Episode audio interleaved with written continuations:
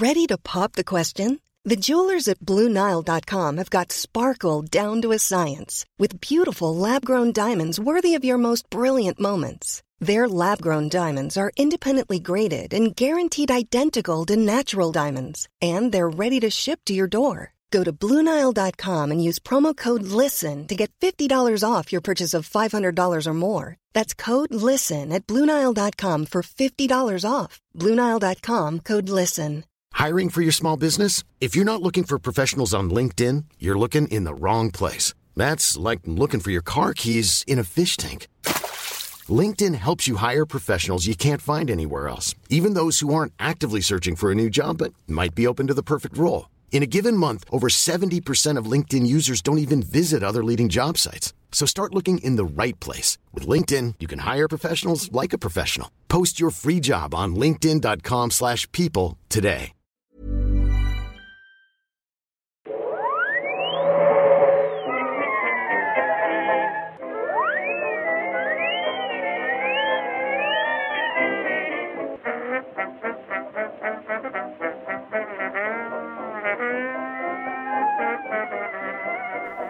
Då börjar jag i stort sett bara.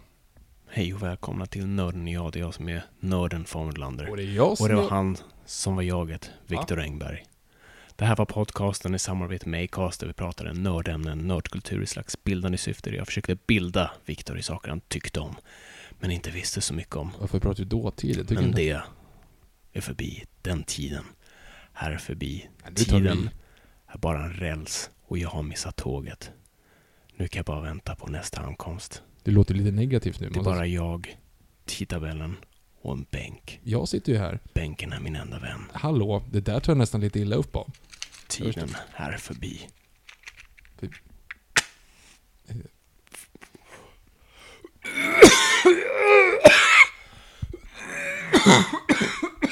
Jag ska inte röka. Nej, men man ska inte det. Jag klarar inte av det. Den där tiden är förbi när det var fräckt att röka. Åh. Nej, det är inte för mig. Nej. Det, det är inte för mig. Nej, det är inte för någon. eh, skulle jag säga Jag ska, jag ska lägga ner sticket. Sticket, det är inte jag, Viktor. Det, det är inte jag.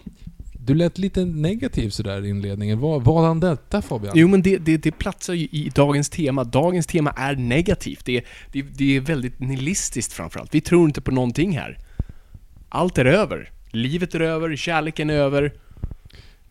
Allt är över. Nu, nu tycker jag att vi... Nu blev jag lite deprimerad. Jag, jag Ja, hoppas att det har att Och det, göra... och det är därför vi är här idag. Ja. Vi för ska, se, deppiga. vi ska se mörkt på allting. Vi ska se mörkt på precis allting. För vad ska vi prata om idag? Idag ska vi prata... Idag inleder vi Noirvember.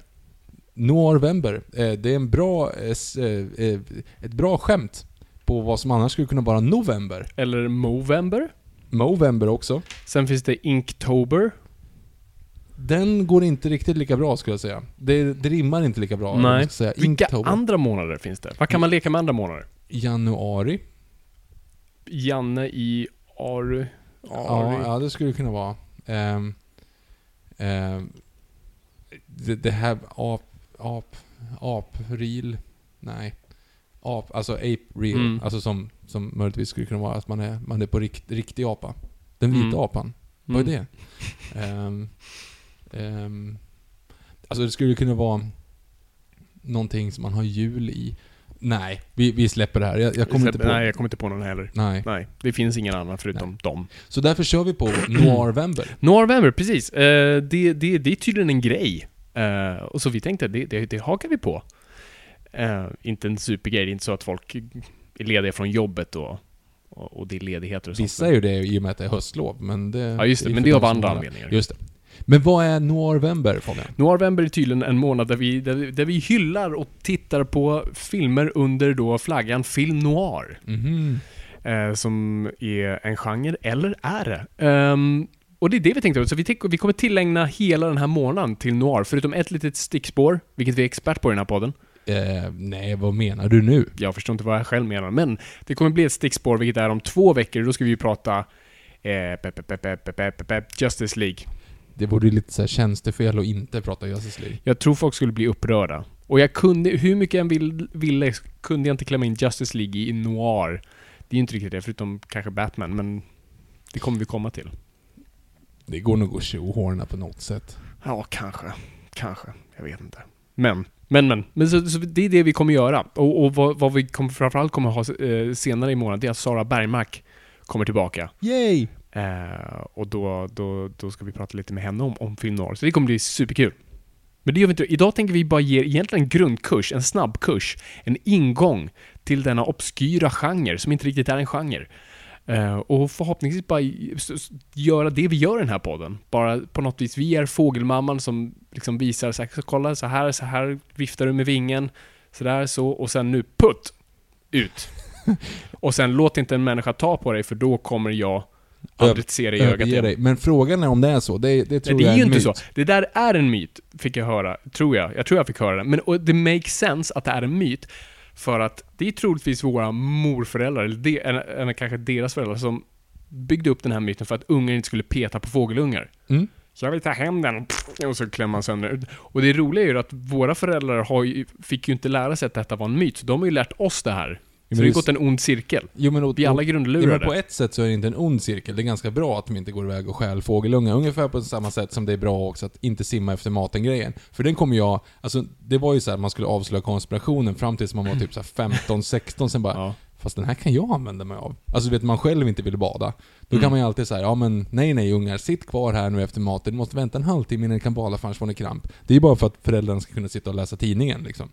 Jaha, så att de får smälta För- maten. Ja, nej men för att få 30 minuter liksom och bara läsa tidning och slippa bada med ungarna. Kan de inte bada själva, ungarna? Nej men troligen inte för att det är små barn. Jaha, alltså om man tänker så här, ja men då, då så här, nej ni får inte bada nu för då måste vi ha uppsikt över Vi vill liksom läsa tidningen. Men jag tänker just med fågelungen, för där är det ju ändå, visst kanske eh, en av fem tar med sig fågelungen hem och lägger den under kudden eller vad man nu än gör med den. Mm, och så drömmer man om, om dem. Exakt. Men de andra grejerna är ju fortfarande, man vill lägga tillbaka den i hemmet. För att rent evolutionärt är det ju på att den hoppar ut för tidigt, en räv tar den och den dör. Det är inte som att fågelmamman kan ju inte lyfta upp den igen. Nej men då får du nu lära sig the hard way. Darwinism Fabian. Ja, dö. Ja men det blir ju, ja det är sant. Men alltså, eller så knallar de omkring där nere tills den lär sig att, att flyga. Ja, men ja, jag tror inte det, det är, evolutionärt så är det big no. Det beror på vad det är för fågel dock. Är det en struts så kommer den aldrig lära sig. Nej, då, det är över från första början. Mm. Är en tjäder, låt den vara. Fabian, om ni som har lyssnat på den här podden tidigare, han gillar ju inte tjädrar. Nej. Gillar inte fåglar överlag, men särskilt inte tjädrar. Nej. Såg en video på en tjäder som juckade på en persons huvud. Det var bland det värsta jag sett. Kan du sova efter sådana saker? Det var svårt, men eh, jag bara, jag försöker bara tänka på annat. Och... På tal om att tänka på annat. Eh, film noir. Film noir. Ja, det, det ska vi prata om. Eh, den, eh, en genre som är otroligt svårt att definiera. Eh, för att det, det man oftast, det som delar folk, eller det, vad det framförallt är, att är det en genre eller är det en stil? Je ne sais pas. Men du förstår vad jag menar när jag säger Ja, det? ja, ja, gud ja. Yes, och vi kommer gå igenom vad stilen exakt är. Och, och det är det som, alltså folk är så ofantligt oense om vad som är en film noir, vad som inte är en film noir, vilka platsar, vilka platsar inte. Och vilken var den första, vilken var den sista? Alltså det, det, det är inte riktigt som en westernfilm. En westernfilm kan vi ganska snabbt lista ut. Cowboyhatt, häst, pistol. ja, det är bra. Fast ibland kan eh, typ eh, Star Wars dyka upp. Det är typ en westernfilm fast i rymden. Så att eh, det kan ju dyka upp obskyra grejer där. Men, men film noir har inte samma grejer. För att det finns ingen regel som typ täcker alla. Utan varje film tar lite av någon regel och sen så bryter den sig loss från en annan. Så att det finns ingen sån här one rule rules them all. Men vad skönt då att, vi, att du ska berätta för oss idag. Precis. Precis allting som, som har med film noir att göra. Så mycket, som jag, så, mycket som, är jag, så mycket som jag kan. Det är, det. Det, det är här, det finns inga rätta svar. Så att eh, jag kommer göra mitt bästa här. eh, och ni får överseende med det. Så att eh, hör jag er skrika nu i era hörlurar att liksom fel, ja då, vem vet? Men det finns typ inget rätt och fel, så det är det vi tänker Jag komma. har ingen aning om vad det är för någonting, så att jag kommer sitta här och inte stoppa det överhuvudtaget. i alla fall. Men, först och främst Viktor, innan vi går någon annanstans, så vill jag höra, vad är din första exponering för film noir? Helt ärligt. Mhm.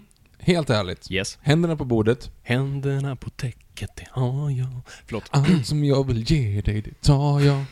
När du kommer hem och delar ett och fem Det är det enda tal jag kan klara Jo men det var det så här att jag helt ärligt faktiskt nu trodde att film noir, fram tills kanske för bara ett år sedan, var svartvit film. Ja, tack gode gud att vi, vi hinner skola dig innan Sara kommer in i bilden. För Ja, men- vi, vi kan inte begå samma misstag igen. men, Nej men faktiskt, och det var lite så här, jag har aldrig tänkt över, för jag tänkte film noir, ja men då ser man ju liksom, du ser den här hårdkokta detektiven med en hatt, och du ser att ljuset som är skarpa linjer genom eh, Persienner. Eh, persienner och han har en cigg i handen liksom. Mm. Och byxorna i brösthöjd. Ja, men där är du ju inte fel ute. Nej jag vet, men då tänkte man så här, ah, svartvit film. Så Och du tänkte, okej, så, så, så, Chaplin, ja men, ja, ja men typ. Dr. alltså, jag- Strangelove vi såg förra veckan. Ja, ja, Film noir. skenbart. The Artist. Ja. Skenbart har vissa stilistiska och tematiska Nej men så att säga så här, jag hade ingen aning om vad film var. Jag hade liksom, jag fick ju bilden av det, men jag hade Mm. aldrig reflekterat över att det kanske är en egen genre eller någonting eget, utan det är bara så här, ah, ja, deckarfilm. Deckarfilm, svartvit deckarfilm typ. Ja, men där är det ju inte helt, helt fel ute. Nej men en deckarfilm innan 1955 var Mm. ju per automatik svartvit, så att då kan allt var ju inte film noir bara för att det var svartvitt. Nej, precis. Nej, så att det var ju det jag inte riktigt såg skillnad Nej, på. ja, okej. Beck- Jag såg typ Beck fast på 50-talet. Mm. Okej, ja, nej, jag, jag kan inte klandra allt för hårt på det, men visst, men det är bra att vi, vi tar itu med det här nu. Eh, snabbt. Ja, så nu, nu Yes.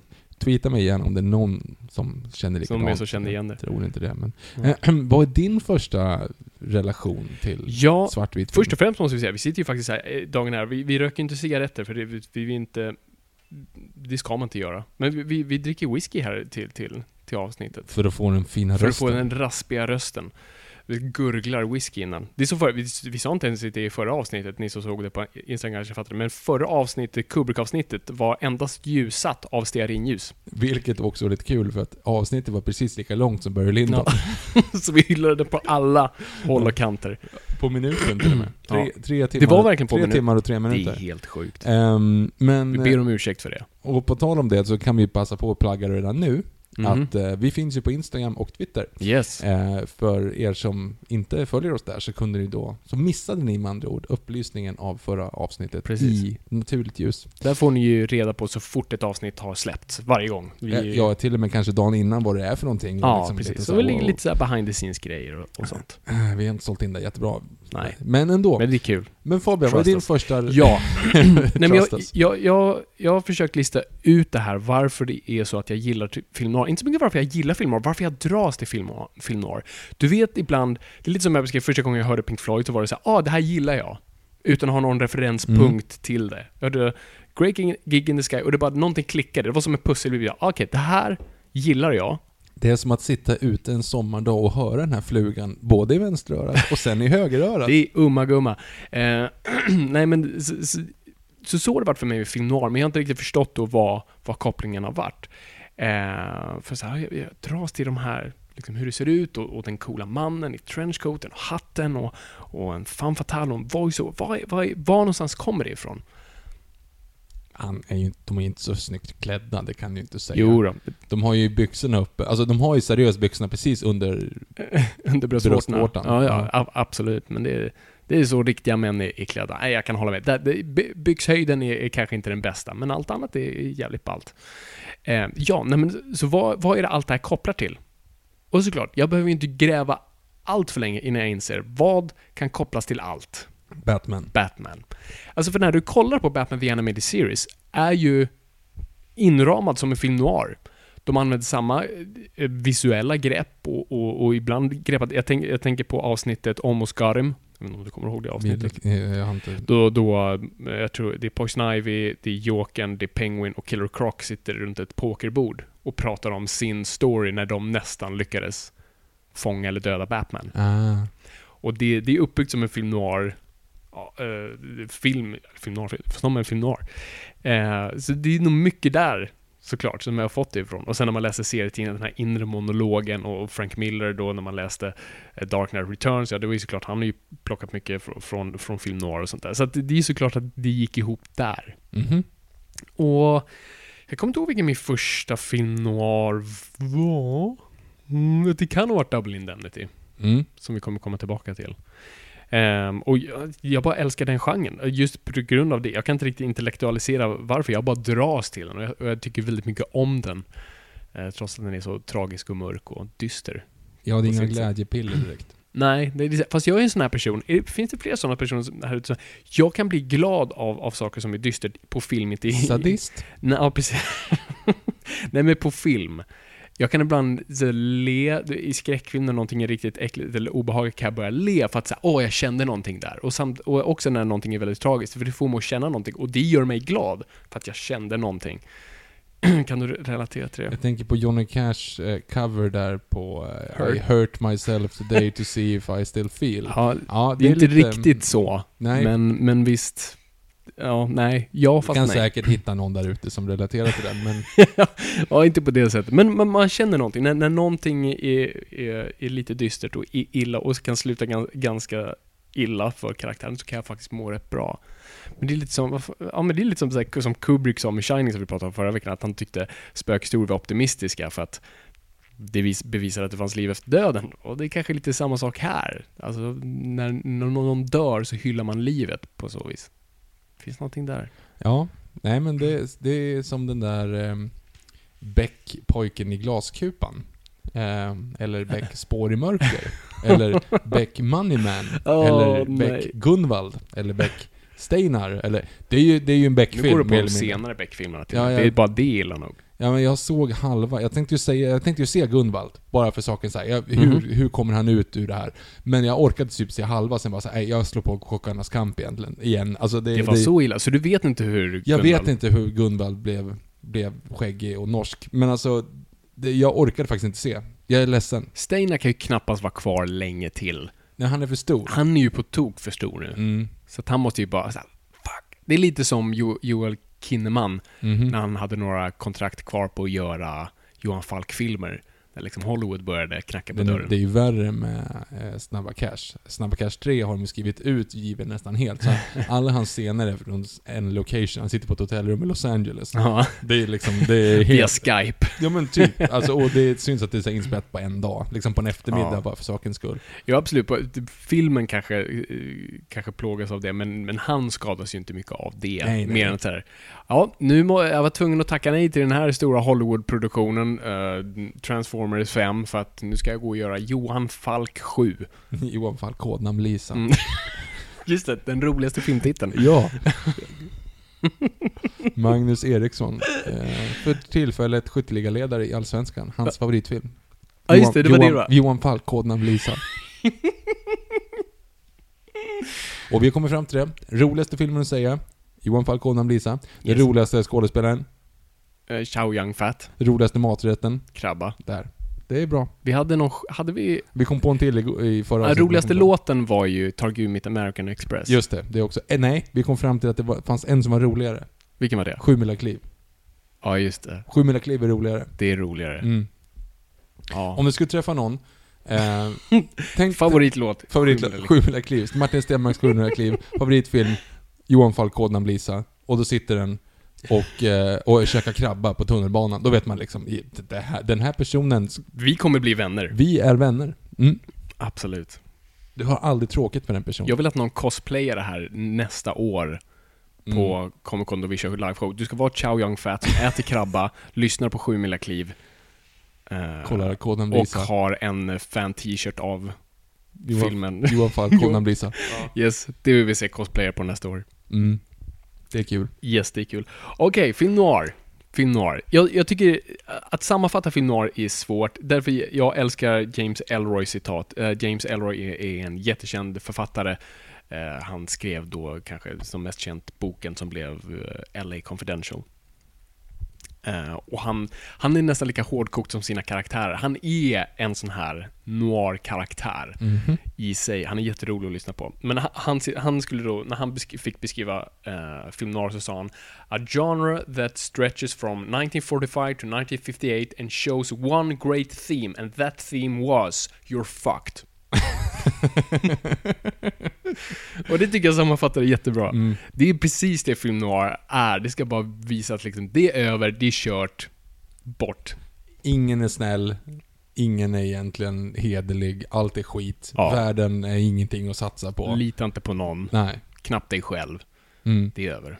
Lägg dig i, liksom, i gatuhörnet och, och förblöd. Mm. Ja, Det var allt för idag. Det var kul det här.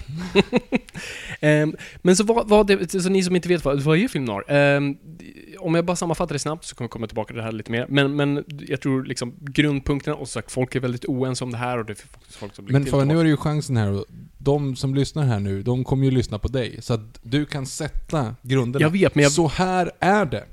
Men jag, jag vill att går folk ändå är medvetna. Ja, men om du går in nu med självsäkerhet och säger det här är de fem sakerna som ska vara i en film noir. Då kommer jag få massa arga tweets efteråt. Ja, men... Ja.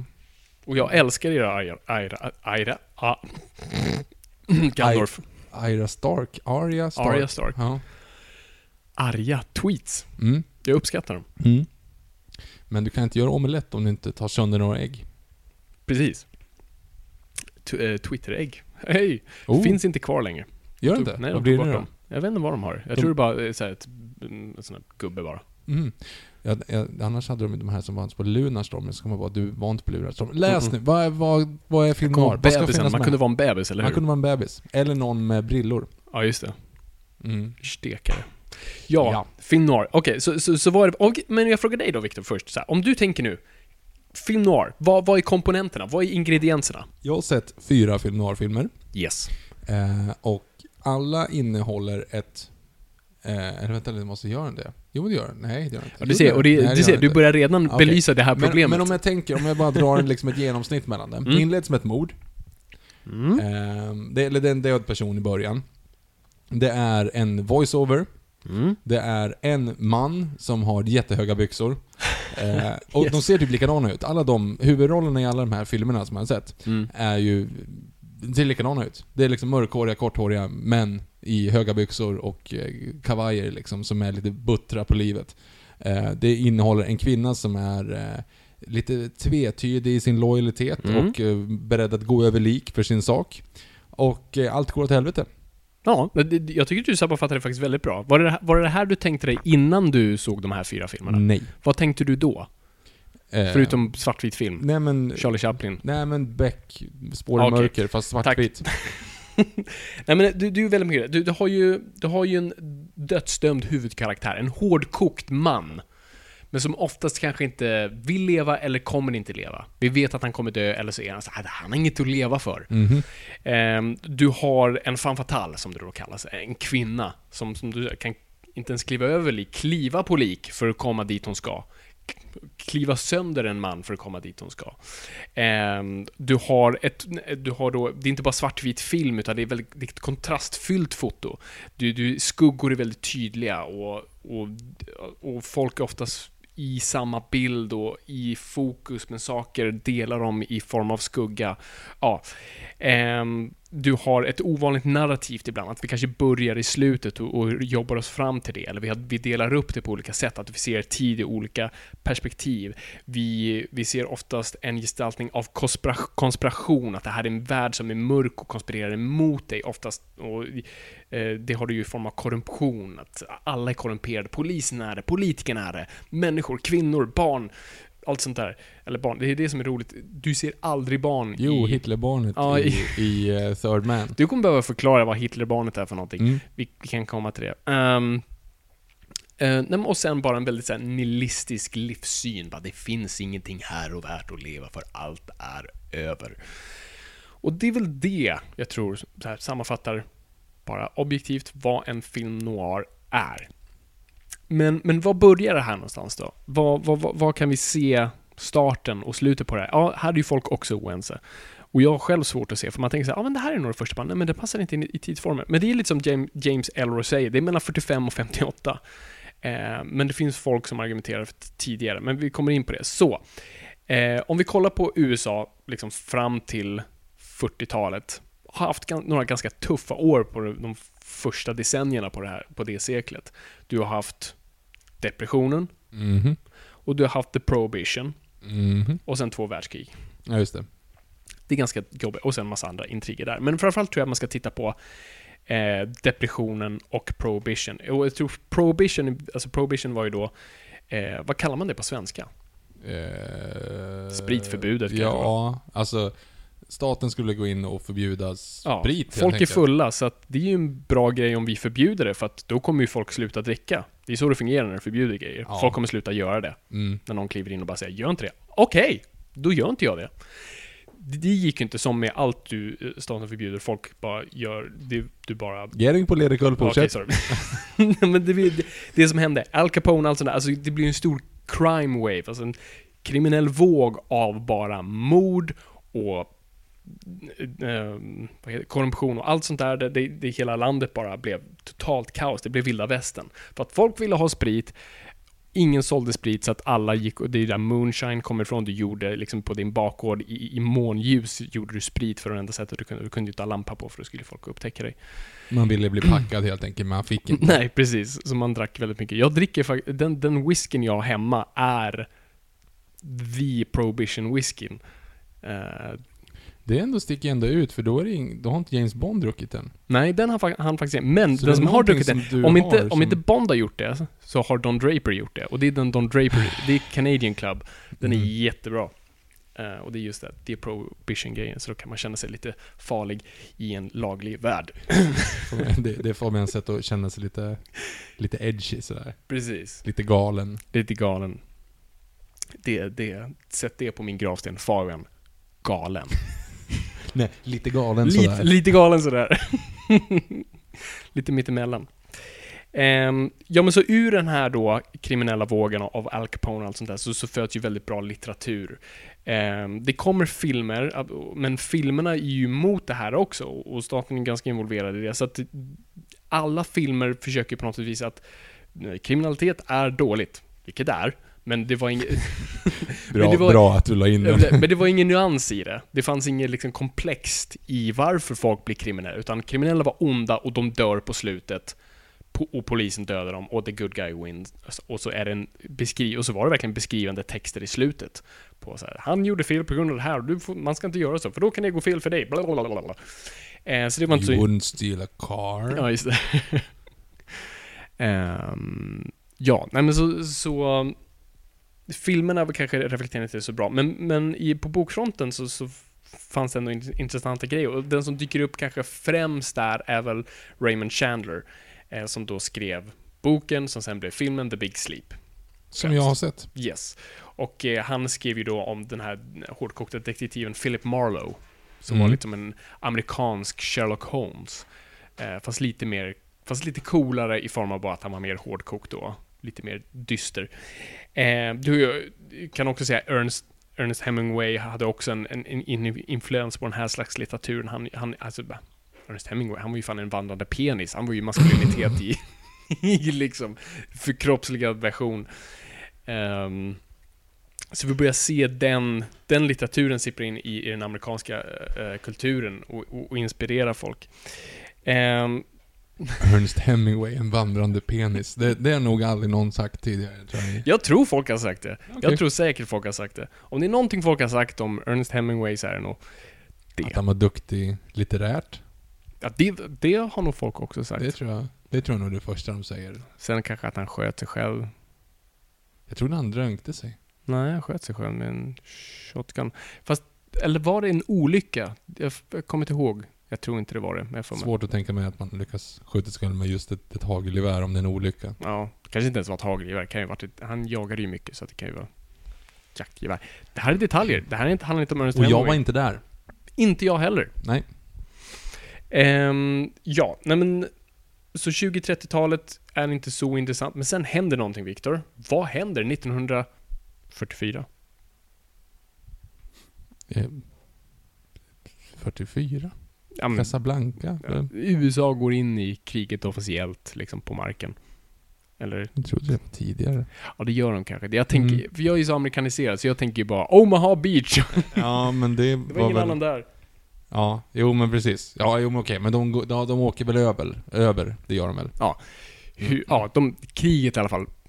Från invasionen 44 till 45 så förlorar USA sin oskuld kan man säga. Så det blir ett stort skifte i landet. Alla unga män försvinner och drar, dör där borta, får en helt ny syn på livet. De har alla ens liksom lämnat USAs stränder och helt plötsligt ser en helt ny värld som är bortsprängd och du ser vad människan är riktigt kapabel till. Kvinnorna är hemma, de tar över landet på ett sätt. De går in i arbetslivet och börjar försörja sig själva. Eh, och kanske inte heller är så trogna mot sina män, för att de är inte där. Och Se Barry Lyndon allihopa. se Barry Lyndon. Och sen kommer de här männen tillbaka, många är, eh, vad heter det, shellshocked. Posttraumatisk stress. Posttraumatisk stress, eh, många vet inte vad man ska göra med det. Alltså man har sett det värsta som finns och vad finns hemma? Ingenting.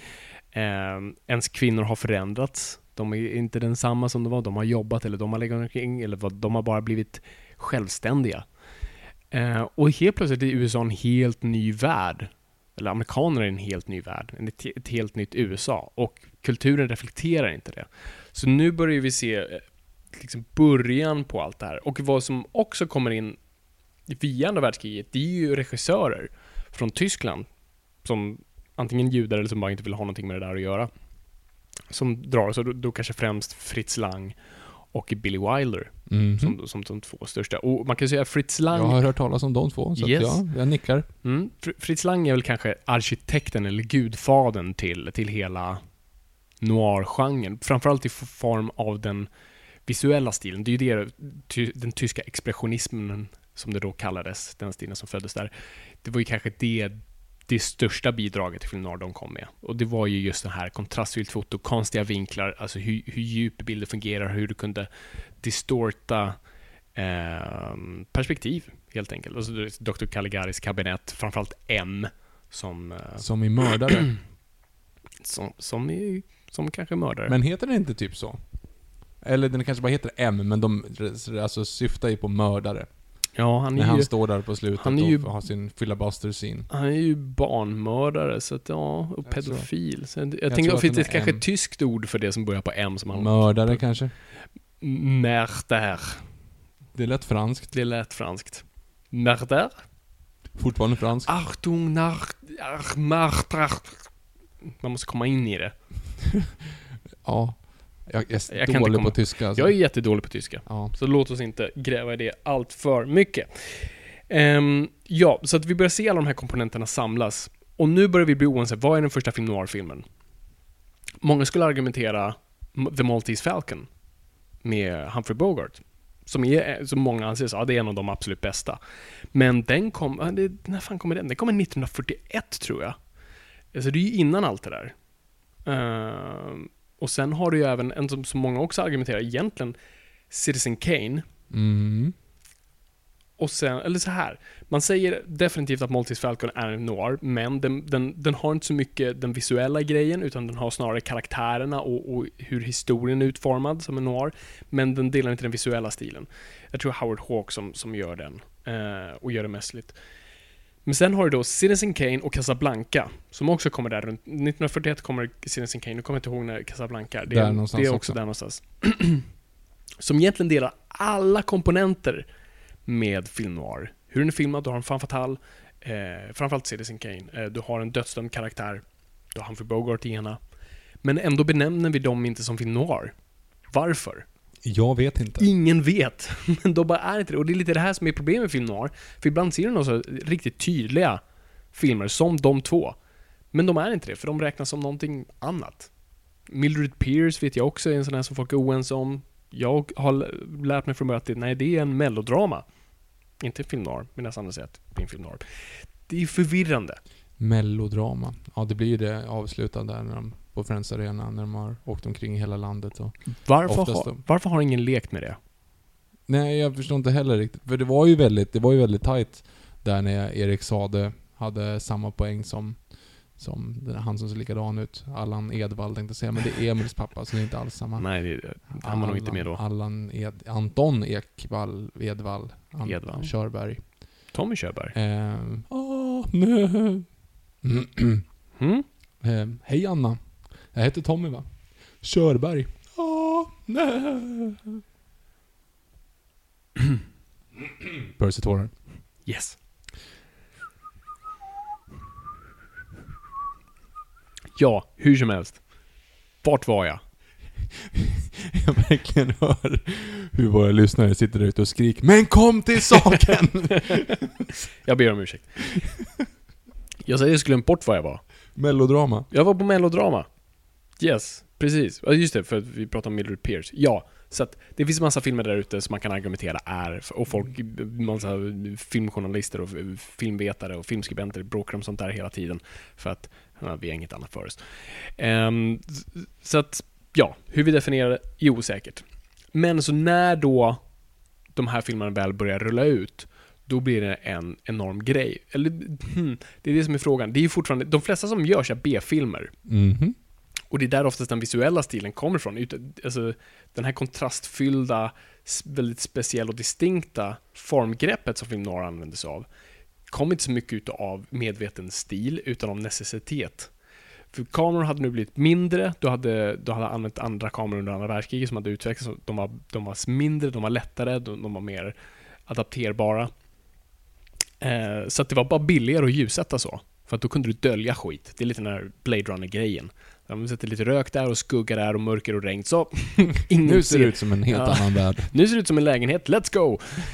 Eh, så det var ju det, alltså man pumpar ut sådana här filmer. Men, men, och vissa gjordes i Hollywood-systemet, man kan då, eller alla gjordes under Hollywood-systemet, men vissa gjordes för mindre pengar än andra. Så du har kanske Bill Wilders och, och Howard Hawks och, och de där karaktärerna som, som gör lite mer högprofilerade. Så Sunset Boulevard, Double Indemnity är, är väl eh, Hollywood-rullar Högbudgetrullar högbudgetrullar. Och sen typ, ja men typ så här Crossroads och... Den med Britney Spears. Nej, Okej. inte den. Den kunde vara en mellodrama också, för hon sjunger väldigt mycket i den. Och den är lite dramatisk, hon gråter en gång. Yes. Men sen Kubricks The Killing är ju också typ en B-film. Eh, Crossfire.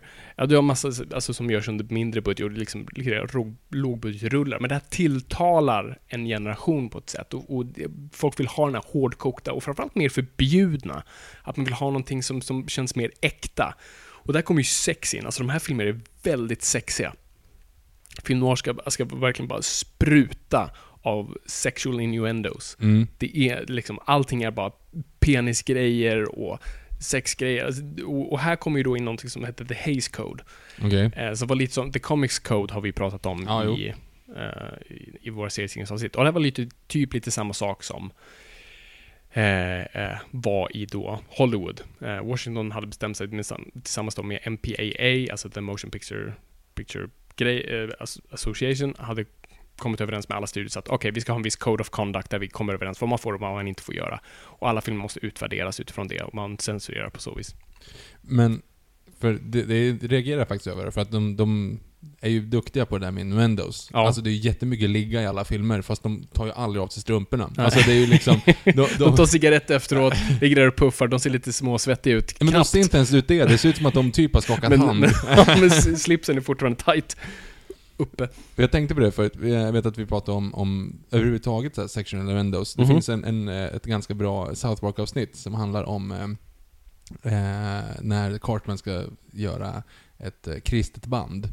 Okej. Eh, men har du sett den? Det Jag samma tror det, när det är när såhär Christian Rock. Ja, Christian Mm. Band, när de strejkar. De har ju ett, band och så visar det sig att alla ska ladda ner, peng, ladda ner deras låtar just så att det, de strejkar. Mm. Och de bara så här, men de har Ingen bryr sig. Ingen bryr sig. Precis, och då ska, så ska Cartman då starta ett, ett kristet band för att de, det är de enda som köper skivor är de kristna liksom. Ja. Och då sa han det absolut enklaste sättet att, och, en- enklaste musiken att skriva, för att du tar bara vanliga låtar, så byter du ut ord som 'baby' till 'Jesus' och så har han ju bland annat då I wanna get down on my knees and start pleasing Jesus Feel his salvation all over my face Alltså den som han då vinner Och de ger ju inte platinum-skivor då, utan de ger ju guld, myrra och rökelseskivor Såklart. Men jag kommer tänka på det, kommer du ihåg låtarna som vi sjöng på vårt konfaläger? Allt för väl. Alltså, det- var ju en så konstig grej det där. För att jag kommer ihåg första, första kvällen, för de hade, det var en sån här morgon och kvällssamling. Mm. Vi var där typ i två veckor tror jag. Japp. Och eh, då, då skulle man sjunga. Eh, och det var, ju- det var inte de vanliga psalmerna, utan de, hade, de har ju förnyat sig i kyrkan. Eh, så det var lite mer poppiga och vänliga, liksom trallvänliga grejer. Mm. Och första gången liksom alla skulle sjunga med och sånt där och de hade, man, man såg, de hade skrivit upp texten och alltihop så du skulle kunna hänga med. Så var man ju lite tonårig bara Fuck this. Jag lyssnar Jag- på Pink Floyd. Ja, precis. Vad fan ska jag göra här? Fuck you dad. Ehm, och sen klipp till dag 10 liksom. Då han bara sjunger ut. Och gråter och ja, allt är så och fantastiskt. klappar och liksom. Ja. Jag förstår att det funkar. Han Ja, var helt inne i det. Kommer du ihåg Vattenfall? Eh, ja, typ. För den låten, alltså, Är man, min Jesus, är det den? nej, det, nej, Nej, det det. är Jag vill leva av dig. Jag vill det, leva av dig. Ja, Det är en annan. det är min Jesus, min Herre, Gud det finns ingen som du, låg som jag gör dig mer och mer, förunnad av min kärlekskraft. Den är Du ganska... kommer ihåg? Den, Ja. ja. du, gud, de här Varför sitter. fråga? Ja, Yes. men de här sitter. Eh, nej, men de, den är ändå liksom ganska straightforward, den är ju okej. Men Vattenfall, den är ju full av sexual endos. Eller vad som skulle kunna vara. Alltså bara titeln, alltså ja, då, bara där är ju... Du? Jag har en sång, en enkel sång till dig Jesus min Herre. Inte så konstigt än så länge. Nej, det är med. Min Jag har glömt bort lite. längtan är att vara där Du kan fylla mitt inre Oh, Hoppla! okej. Jag vill leva där din flod rinner fram Mm. Jag vill bo under ett vattenfall Inte Golden showers. Ja, mm. Jag vill dricka av din himmelska ström Ugh. Om och om Nej, igen nej, nej, Jag vill leva av dig Alltså, den är ju verkligen så här, den kan du ju få in väldigt mycket innuendos. Bokstavligt talat, du, ja, mm. Ehm, och det är lite så här, jag, har tänkt, jag har aldrig tänkt på det. Nej, jag hade aldrig tänkt på det förrän nu. Nej, och jag tänkte på när jag såg South Park-avsnittet, att det var Ja. det som fick säga bara, det här stämmer ju inte, sen bara, vänta lite nu. Tror du det bara varit skämt? Tror du de bara satt och skrattade om kvällarna och så här, vi, vi får dem varje dag sjunga den här skiten? Ja, hur, kanske. Jag ber om ursäkt om det är någon som lyssnar på den här nu som tycker att den låter jättebra, och att ni, ni inte alls hann och Nej, vi sa inte att den var dålig. Vi, d- tolka kan man ju göra, det är väl det Bibeln är till för. Eller hur?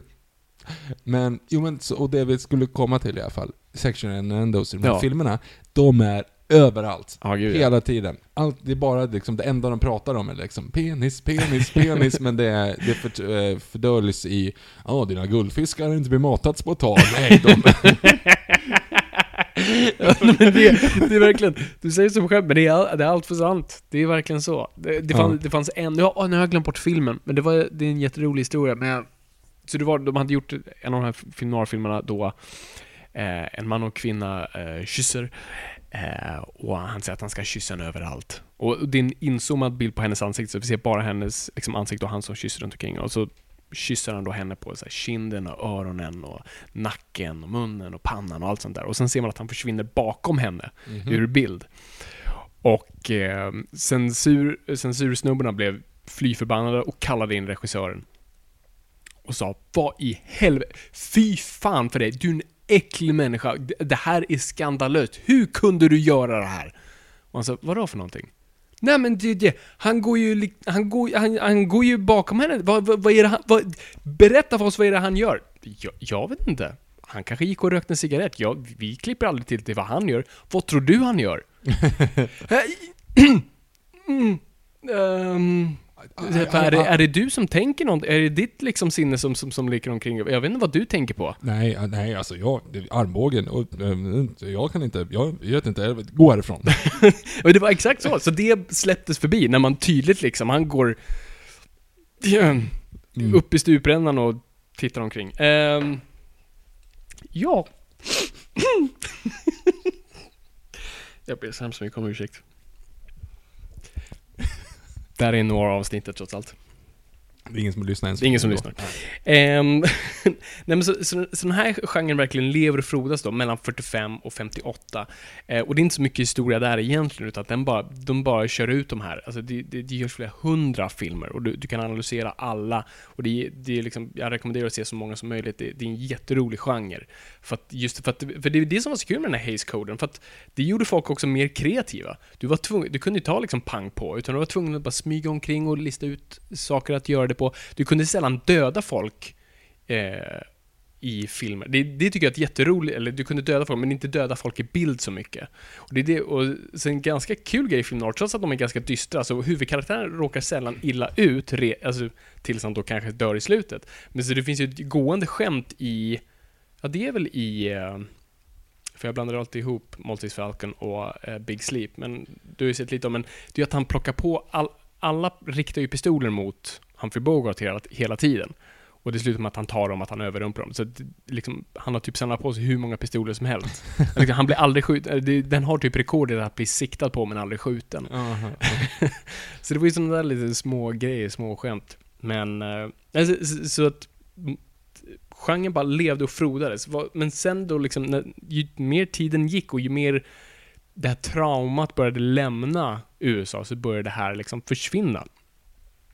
Och vi började se en helt ny kultur föras fram. För, alltså, när vi tänker på 50-talet sen, alltså senare 50-tal in mot 60, då tänker vi ju det där mörka, dystra, liksom stuprännor och, och, och liksom regnklädda gator och trenchcoat, utan vi ser kärnfamiljen. Mm, det är lite musikal och lite sånt där. Jo, men precis. Och färgfilmen framförallt börjar bli vä- väldigt standard. Så den här genren börjar liksom vandra ut för att ge plats åt kärnfamiljen och nya grejer. Och jag tycker bäst det, det visas i, det jag tycker, jag tycker Orson Welles nästan startar genren och avslutar den. För han, om han indirekt startar den med Citizen Kane, om vi använder det som ett argument, tweeta mig. Eh, Jag kommer nästan twittra dig på det, för jag håller inte riktigt med, men visst. Eh, och, och så avslutar han det med Touch of Evil, som kommer 1958. Eh, som är med Orson Welles och med Charlton Heston. Mhm. Som en mexikanare. Ah, De har bara brunmålat honom.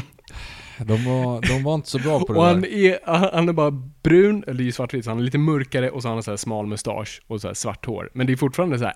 Ah, I'm a mexican. Hola. Una cerveza, por favor. Paul Favor. Uh, poor favor. Can't you tell that I'm Mexican on my accent and skin color? No, sir. Nej, nej. De där porträtteringarna är sådär i filmen överlag. Ja. Och som du säger, det är ju ingenting annat än egentligen vita män och onda vita kvinnor i hela allting. Oh ja. Nej, ingen representation på någonting, inte ens barn eller gamla som sagt. Det är ju bara liksom... nej, det är det jag tycker är så kul. Alltså, försök att hitta ett djur eller ett barn Ja, ja. i en... Förutom en då, Third Man. Vad Thurman bröt typ har alla. allting. För det finns djur, det finns barn, det finns gamla. De har alltihop. Ja, det är faktiskt väldigt sant. Men den var ju europeisk också. Den var ju ja, precis, den är, det är en brittisk som utspelar sig i Wien. Ehm, så att... Inte drycken, utan staden. Nej, exakt. Bara så att ni ska vara Nej men, så vad Touch of Evil visar tycker jag, det, det är ju en ny ungdomskultur som, som träder fram och man börjar se hur droger tas upp och en helt ny liksom, kultur som kommer fram. Och framförallt så porträtterar Orson Welles en, liksom, en gammal, alkohol, eller inte ens alkoholiserad, han är, han är nu eh, nykter, gammal detektiv. Och man märker att han inte delar tiden längre. Han, liksom, han har slutat dricka, han, han, har, han har slutat lösa brott, han bara sätter dit folk och planterar eh, bevismaterial. Han är liksom över och han, han fungerar inte då med Charlton Heston-karaktären som är då den här nya polisen som har ett ideal och, och moral och vill liksom hjälpa människor att lösa brott. Han är där för the greater good, inte för sin egen vinning. Och det är där, jag tror med den filmen så, så på något vis sänker vi ridån på den här genren. Så det, det är lite så komprimerad historia Snyggt. genomgång. Men jag tycker vi kan gå igenom lite mer på, på djupet vad, vad den här genren faktiskt har för någonting. Det skulle vi kunna göra. Since 2013, Bombas has donated over 100 million socks, underwear, and t shirts to those facing homelessness. If we counted those on air, this ad would last over 1,157 days. But if we counted the time it takes to make a donation possible, it would take just a few clicks. Because every time you make a purchase, Bombas donates an item to someone who needs it.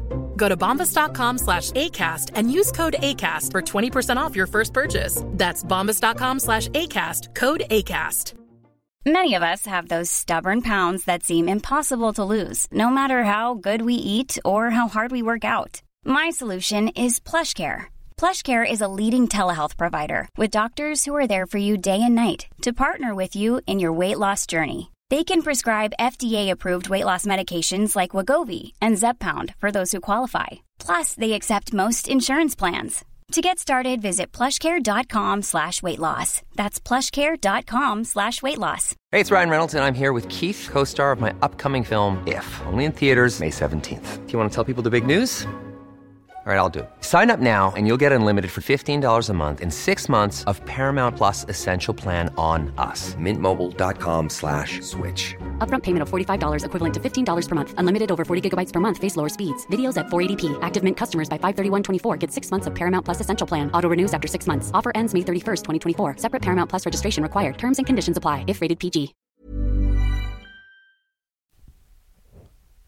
Så är det. S- Så är det. ja, nej men eh, ska vi prata lite bara om, om, om de, jag tror de liksom mest karaktäristiska dragen i en film noir. Ja. Och bara djupdyka lite mer vad det är. Fotot. Bara dina tankar om fotot, när du har sett de här filmerna, vad är, vad är liksom, vad får du ut av det? Eh, stora kontraster. Eh, det är oftast inte så här. Alltså det där, Citizen Kane håller inte jag riktigt med om, för det är lite så här tracking shots och lite speciella grejer. Alltså, Men den är enormt kontrastfylld. Jo men det kanske den är. Men de andra känns som att de ungefär spelade, när vi spelade in filmen när vi var små, Ja. att man ställde kameran på ett stativ i ett hörn och sen så bara spelade man ut allting framför. Det känns Ja. mer så. Eh, för att det är ju inte speciellt avancerade bilder i övrigt. Det är mycket liksom enkelt, förutom då att det är kontraster. Mm.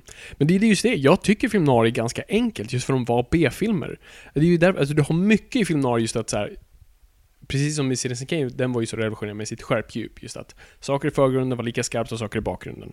Det gjorde de mer ett artistiskt val med att använda. Men i film noir gjorde man det av mer necessitet. Okej, okay, Okej, vi har en dialogscen här. Är det inte bättre vi har, vi sätter personen lite coolt i förgrunden och så har andra personer i bakgrunden som pratar till bakhuvudet. Makes no sense rent så här om man skulle bara se det i verkligheten. Men det fungerar i film noir. Och det, man sparade tid och pengar på att bara så, ah, men vi har dem bara prat, vi ställer upp kameran och så låter de bara snacka och så är allting skarpt. Och, och det är det jag tror mycket är till, till den genren. Um, och, och, och vad man då, och så då fanns det ju inget indirekt djup i bilden, då blir de ganska platta. Så vad använder sig av då? Jo men då är det, det är då skuggorna kommer in. Du använder skuggor för att ge perspektiv och en illusion av djup, att du delar av bilden på så vis. Uh, och det jag också ge, ge, ge, gillar med, med, med skuggorna, att det, det kan ge så många olika grejer. Framförallt det är coolt att titta på. Um, nummer två så, så kan det ibland ge en känsla av klaustrofobi. Du kan rama in en karaktär på, på, på ett intressant sätt. Eh, det kan vara en, jag tycker det är en cool grej, jag ser det som att det svarta och vita i det är, liksom, är moralen i filmen och mannen är i gråzonen mellan allt det där. För att den, den hårdkokta personen i mitten är alltid i gråzonen. Han har aldrig en riktig liksom, linjerad moral. Vad tänker du? Jag tänker på eh, Sunset Boulevard. Ja, Är han gråzon där? han är ju definitivt i gråzonen. Alltså, den är ju speciell på sitt sätt för att det inte riktigt är en crime-film på så vis. Det, Nej. det begås ett brott, Mhm. men det är inte riktigt det filmen cirkulerar kring. Alltså, alltså, man kan kalla honom omoralisk för att han egentligen utnyttjar en person ja, för sin förvisso. egen vinning. Förvisso. Eh, istället för att faktiskt försöka göra någonting av sig själv och lyckas på så vis. Utan han ger ju upp och utnyttjar en annan person som leder till ett hemskt slut för alla. Förvisso sant, förvisso sant. Så jag tror, så jag tror det finns där. Och det är jag tyck, tycker oftast de här kontrasterna visar. Liksom. Världen, världen är svartvit, men inte, inte människorna. Och där fick vi någonting. Mhm. Ehm, nej, men, och, och det jag gillar med det är också att, alltså, för film noir, eftersom de oftast var lite billigare, man använder sig av naturliga miljöer. Man använder sällan eh, alltså scenerier och, och studioutrymme, utan du gillar att fota i städer, eh, på gatan, ibland fotar, tog man bara upp kamerorna och fotade liksom där folk gick omkring. Det, var ju, det finns en film, nu har jag också glömt bort den, men, men där, där det där de skulle filma ett, ett eh, bankrån. Och de sa ah, det här kommer ta tre veckor att filma. Och de sa, nej men vi gör det i en tagning. Så, så, så kameran satt i baksätet på bilen och man ser hur bilen kör fram.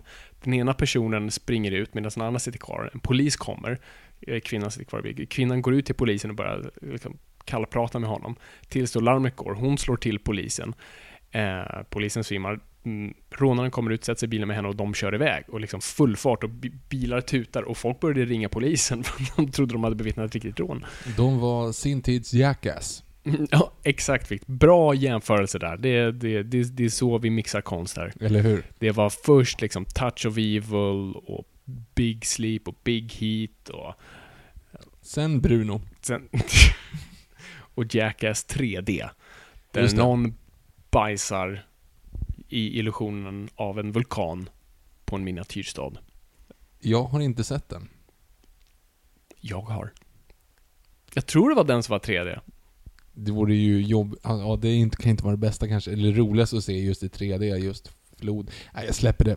Men Jack, alltså, det är såna här grejer som man inte kommer kunna få tillbaka, alltså som generation, eller det kanske finns nu, just den här, det gör man väl kanske på YouTube eller hitta konstiga sidor, men det kändes lite farligt att se på. Ja, gud. För det var ja. sent på kvällen, och det var på MTV, där hade du, där, där, där juckade de med höfterna och spelade sån där popmusik i höga takter. Ja. Det, när liksom Grey, Anders Glenmarks Greyhound Bus var det absolut farligaste du kunde tänka dig att lyssna på. Och så fick du liksom Jackass efter klockan 11. Så! Det var du som introducerade Jackass för mig. Var det? Ja. Ja. Eh, och det, var, alltså, det kändes lite så här förbjudet, man vågade inte säga till sina föräldrar att man hade sett det och det var... Det var Jackass och Tekken 2. Ja, just det. Mm. Det var... Det var punk. Det var punk. Det var, det var punk. Kent var också lite punkigt. De bara de coola lyssnade på Kent. Man blev lite så här. Men jag var sen på Kent-tåget. Ja, jag vet att du var jättesen på det. Men innan... Så det var, det var så långt efter det var punk och jag insåg okej, det här är inte så punk, det här är bara lite gnälligt och jag, jag gillar det. Mm. Nej, men de, alltså tillbaka, inte tillbaka till samtiden, för då, började, då var det socialt accepterat att lyssna på Kent. Mm. Men eh, ammunition, kommer jag ihåg, alltså 2002, Ja. när man var, då var man ändå så här 12. Då var Mm. de här liksom lite coolare kids som lyssnade på Kent. Ja, precis. Och man själv vågade inte riktigt för att jag, ja, let's face it, jag tyckte fortfarande GES var bra, men jag visste inte, jag hade inte hittat vad jag skulle lyssna på så att det blev... Så Rolig filmfakta. Vilken video till vapenammunition eh, är i the point of view av en bil? Vet inte. Det är någon... eh, heter den Kärleken väntar? Jag, jag kan aldrig titta. Nej, den är väl de här två barnen som sitter typ på en sängkant och... Lite, Ja, det kanske det är. Ja, Jag kommer inte ihåg, men det är en som man bara egentligen ser liksom, insidan från en bil ut. Och den var film, och man ser hur en person går in i en Ferrari. Men Ferrarins front är för stor, så att det, man vill inte se fronten på man vill bara se liksom vägen. Så Mhm. då tog man en Volvo V70 I för att filma in, insidan. Det var... Det, den får ni gratis. Tack så jättemycket. Ehm, ja, nej men det svartvita. Alltså jag tycker på något sätt, det är det som definierar, jag tror det är på något vis den största grejen som definierar film noir. Och det är därför, jag tror, alltså för när, när man pratar film noir så, så blir det ju väldigt mycket så, ah, men vad händer med de andra då? Alltså filmerna efteråt, som, som är efter 50-talet och som sen kommer i färg. Alltså till, om man kollar på så Chinatown eller senare LA Confidential. Det är för mig inte film noir. Eh, det är vad folk kanske skulle kategorisera som neo-noir. Och det kommer inte jag gå in på nu, för att... Vad är neo-noir för någonting då? Vet du vad Viktor? Jag tror vi gör ett separat avsnitt på det. Men vad är neo-noir? Eller okej, men okej, du, du, jag, håller, jag sitter här på nålar. Ja, ja men vet du vad? Vi gör så här, vi, det gör vi till nästa vecka. Ska, då ska vi släppa tre veckor i rad? Ja, ja det är det vi har är ju sagt där i Norrland. det, är ju, det tre önskningar i en. Det går ju inte. Mhm. Också väldigt roligt. Väldigt ro, Förlåt för stickspåret återigen, men Kinderäggsreklamen på 90-talet. Yes. När det var tre barn som önskade sig saker. En vill ha choklad, en vill ha en leksak, en vill ha en överraskning. Precis. Och de får ett Kinderägg. Stackars ungen som får överraskningen. Yes, den drog det korta strået definitivt. För den får bara "Ah!" Och sen är det över. den får bli förvånad medan den andra får leksaken. Ja. Han kanske får den gula kapseln som det har varit i. Och det var ju också lite punk om man stoppade en... Eh, eh, man kunde ju göra bomber med dem. Ja, just det. Hur gjorde folk man det? tog en C-vitamin, alltså en sån här brustablett, Ja. och så stod man, stoppade man lite vatten i en sån, så la ner en brustablett och stängde den, och så kunde man kasta den så pop, så poppade den upp. Jaha, Det var var det det då? Jag trodde att det var bakpulver eller något sånt där. Ja men det kan man säkert också, men det var lite mer badass, för då exploderade den lite större. Ja, just det. Men det vågar man inte riktigt, som s- en sån här C-vitamin, det var stort nog. Mm. Wow. Vi var inte så tuffa som barn inser jag nu. Vi var jättemesiga som barn. Jag gjorde aldrig de där grejerna. Nej. Jag satt inne och räknade Pokémon-kort eller läste en Kalanko Company. Och lyssna på Anders Glenmark. Yes. Inte för att det är något fel med det. Gud nej! Jag bara menar att jag inte sprängde Kinderägg. Hur som helst. Nej men så, så, så fotot är för mig en av de stora definier, de grejer man definierar film noir av. Därför liksom Chinatown är för mig inte en riktig film noir, trots att den typ prickar av nästan alla boxar, men den inte, och inte av den tiden framför Jag tror film noir, det är lite som Eh, franska nya vågen. Du kan inte göra en film idag och säga ja men det här är en franska nya vågen-film. Kan man inte? Eh, jag skulle säga nej. Utan det är av sin period. Det var liksom, det var då det kom där, på, på 60-talet. Då, då fransmännen bara, när Truffaut och alla de där bara liksom Wave their nouvelle vagues, som du precis tänkte säga. Waving his will walk down the street. Ja. Ehm, och, man, och det var liksom, det var den perioden. Och det var sen över och det sen födde andra genrer. Och det, man liksom gick tillbaka till det definitivt, men det var då var det inte franska nya vågen. Och lite samma sak skulle jag säga med film noir. Film noir är av sin tid. Och vi ska se det som det, som en liten tidskapsel. Liksom, kapsel. det, är liksom, det är den perioden och det är det det är. Och det kan vi njuta av där. Och sen kan vi se andra som influenser av det och de har film noir och det, och det är det jag vill prata lite om i Neonar, för jag har ju pratat ändå, vi har ju pratat lite om just modern film noir, alltså, särskilt i David Lynch-avsnittet just. Vad är den naturliga vägen för film noir att gå? Eh, Och jag tyckte David Lynch var kanske det, det bästa exemplet på det. Och det kan jag fortfarande tycka. Men är det fortfarande film noir? Ja, men det, det här är en jätteintressant diskussion. Som vi, tar vi det till vi tar det i nästa avsnitt. I Novel Vague-avsnittet. Yes. Nej men så, så fotot är för mig en av de viktiga komponenterna och en av de så här, bara coolaste sättet att se en film. Jag bara älskar det formgreppet. Och det, är- det är väl tillbaka till Batman The Animated Series, för att de målade på svart. Alltså papperna de ritade och animerade på var svart, svart papper. Did not know. Det är ju jättecoolt. Och det var svindyrt. eh, och det är lite samma sak här, man målar på det svarta direkt. Det alltså det är ljuset som är det är minoritet i bilden, utan du, du, börjar med det svarta och sen bygger du dina små ljusklickar. Och det är egentligen så film är. För att utgångspunkten är svart. Du måste exponera med ljus på en film för att få fram det du vill. Och film noir tar bort det och döljer saker för det. Och du måste på och det ger också oss som tittare ett, ett tillsteg att engagera oss, att kolla lite närmare, att sätta oss lite närmare och titta noga. Och inte riktigt vara säkra på det vi ser. Alltså det är liksom vad man kallar så behind the blinds, alltså bakom persiennerna. Vi måste titta, kisa lite och titta lite noggrannare. Vem, vem står där bak, Victor? Jag, jag vet inte. Nej, inte jag heller. Det var en, det var en retorisk fråga. Jaha. Tack att du svarade. Ja, eh, Mm. eh, min vän Shaken Stureby, eh, den, den handlar ju om, eh, om sådana där persienner. Vem, va? Jag Eh, trodde du pratade om en faktisk kompis i... Nej, en, bo, en bok som heter Min vän Shaken i Stureby. Där eh, jobbar huvudpersonens pappa på en sån här med blinds. Persienner. Eh, precis. Har du läst en, en bok om det? Ja. Varför? Kommer inte riktigt ihåg. Fick de någon jul och du vet så här, ja, jag måste... Jag, jag har läst klart alla Bert. Det var min favoritgrej. eh, Just, eller det var inte det, men nu i efterhand, just att få en bok i julklapp. Och du, du har din process av att liksom... Ah, vad, den här har jag hört om! Ah, vad intressant. Du vänder på den, du läser på baksidan. Du läser inte på baksidan, du bara Titta, tittar. man, titta räkna till 7-8 Ja. ungefär. Och sen börjar du bläddra. Mm. Ja, ja, just det. Ja, men det är den här. Ja, ja, Mm. ja. Ja, men gud, shit. Ja, men det här är jätteintressant. Det här, det här ska jag läsa. Och sen så... Och sen så lägger du den någonstans och så råkar den hamna i den här högen med papper och så försvinner. Mm. Eh, nu var det länge sedan jag fick en bok förvisso. Ja. Men, eh, alltså i, i julklapp sådär. Så, Mm. men, men det var ju det och byxor. var riktigt tråkigt att få också. Ja, alltså kläder överlag var väl tråkigt. Men då skulle jag säga strumpor och kalsingar. Nej men för det var ju ändå så ah, ja fuck it. Ja, det är liksom, ingen har lagt någon, ingen har lagt något hjärta bakom det här ändå. Ja. Då är det så ah, ja, bra. Men byxor, då är det så här, tröja, så här, ja visst, jag kan ändå, det är skittråkigt självklart, men eh, det är ändå så här, ja den här kan jag typ ha på mig och det är synd. Men byxor, så här, fan jag har ju byxor, lägg Mm. av liksom. Ehm, Hade du några sådana här regler för, så här, som du satte upp för din mamma, så här, vad du inte ville ha? nej, Ja, okej. men jag bara var tacksam för Du var allt. bara tacksam. Men jag- hade du regler? Ja, eller jag... jag Vilken var, skitunge du var. Nej, men här, jag visste ju inte vad jag, vad jag ville ha på mig. Eh, men jag visste absolut vad jag inte ville ha.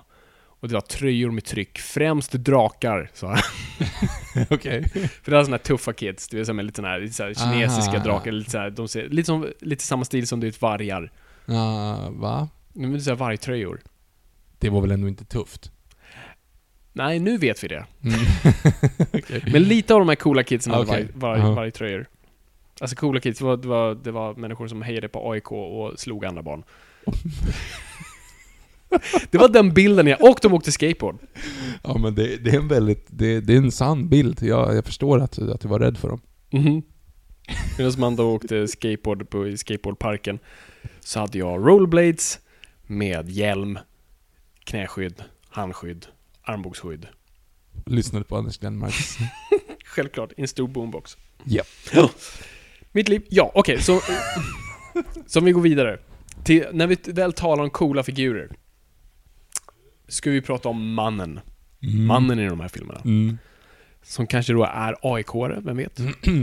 Ja, han är för nihilistisk för att vara aik Är de, för, är de optimistiska? Nej, men det, de har ju ändå liksom på något sätt känslor i alla fall.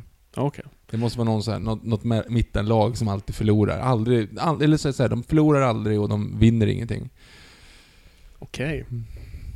Jag kommer Det låter som den bra. svenska drömmen. Ja, ja, precis. Mm. Ja, men håller på Sverige i fotboll. Det är väl en bra. Kommer till VM ibland, men det går aldrig långt så att det... Mm. Mm. Nej, det, det, jag kan inget om fotboll. Ehm, ja, så vem är Victor, vem är mannen i de här filmerna? Eh, ja, han är vit, han har höga byxor, han har eh, en vanlig frisyr och han eh, ganska tråkig. Hård är han.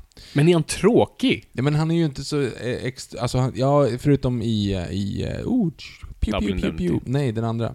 Sunset Boulevard? Nej, den andra. Third Man? Nej, den andra. Big Sleep? ja! För då drar han lite skämt. Då är han ändå Ah, lite rapp. jag tycker alla liksom. drar rätt mycket skämt. Ja, kanske. Han är hård i alla fall. Hårdkokt. Mm. Eh, Man tänkte på det i Third Man där, när, när de här, de här du vet, manligaste av de manliga scener. För det första, i Double Indemnity, när de kysser varandra, Mm. så är det väldigt o, det är ovårdat, eller osexigt eller man ska säga. För det är verkligen så här bara hårt tag om varandras axlar och så bara dunk, ungefär som man så här nickar, nickar ihop. Men de gör det med munnen istället. Mm. Ehm, men jag tänkte på i Third Man, då är det ju en scen då när han ska gå hem till en dam.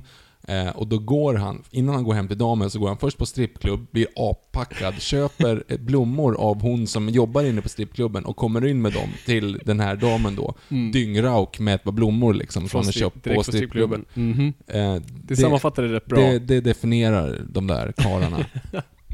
Jo. Jag tror Joseph Cottons karaktär i den filmen, han är ju inte riktigt av de hårdkokta. Jag tror den, det som är intressant med Third Man, det är typ att noir-arketypen är typ Orson Welles. Som kommer typ in efter en timme i filmen ja, det. och gör inte så mycket, men håller den typ en av de bästa monologerna någonsin. ja, den är bra faktiskt. The Cuckoo Clock. Ehm, ja, men så vem är den här mannen? Han är ju främst sin egna.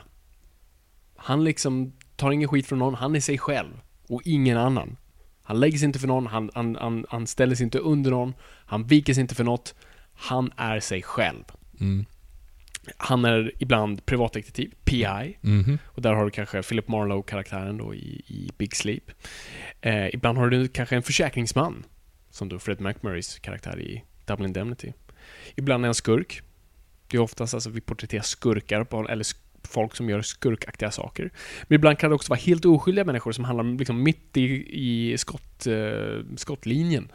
Eh, och dras in i, i, inte ens ett äventyr, i en mardröm som man måste ta sig ut och oftast inte gör och, och dör på kuppen. Det är sällan det porträtteras poliser, för poliser är det värsta som finns i noir-världen. Inte min åsikt. Um, Verkligen i Third Man. Han är ju jätteanti poliser. ja, gud, ja, polisen är sk- skurk. Fast det är de ju inte. Nej, fast de är ju säga, antagonisten, Mm, jo, kan man väl säga. ja. Och de är lite så här eh, stiff upper lip, posh, engelskt folk. ehm, som är så kulturella och fina av sig. Mhm. Ehm, så, och sen har du ju, alltså du har ju polis i, i um, Touch of Evil till exempel. Men där ser vi just det här skiftet. Men, ehm, men den här mannen är ju då liksom hårdkokt framförallt. No nonsense. Han, han kysser vem man vill och han dödar vem man vill och han förlorar ingen sömn på jobbet. Men han är, det viktigaste är att han är dödsdömd. Han har antingen inget att leva för, han är död, eller han kommer dö. Eh, eller bara, det, liksom, det finns inget för honom i den här världen.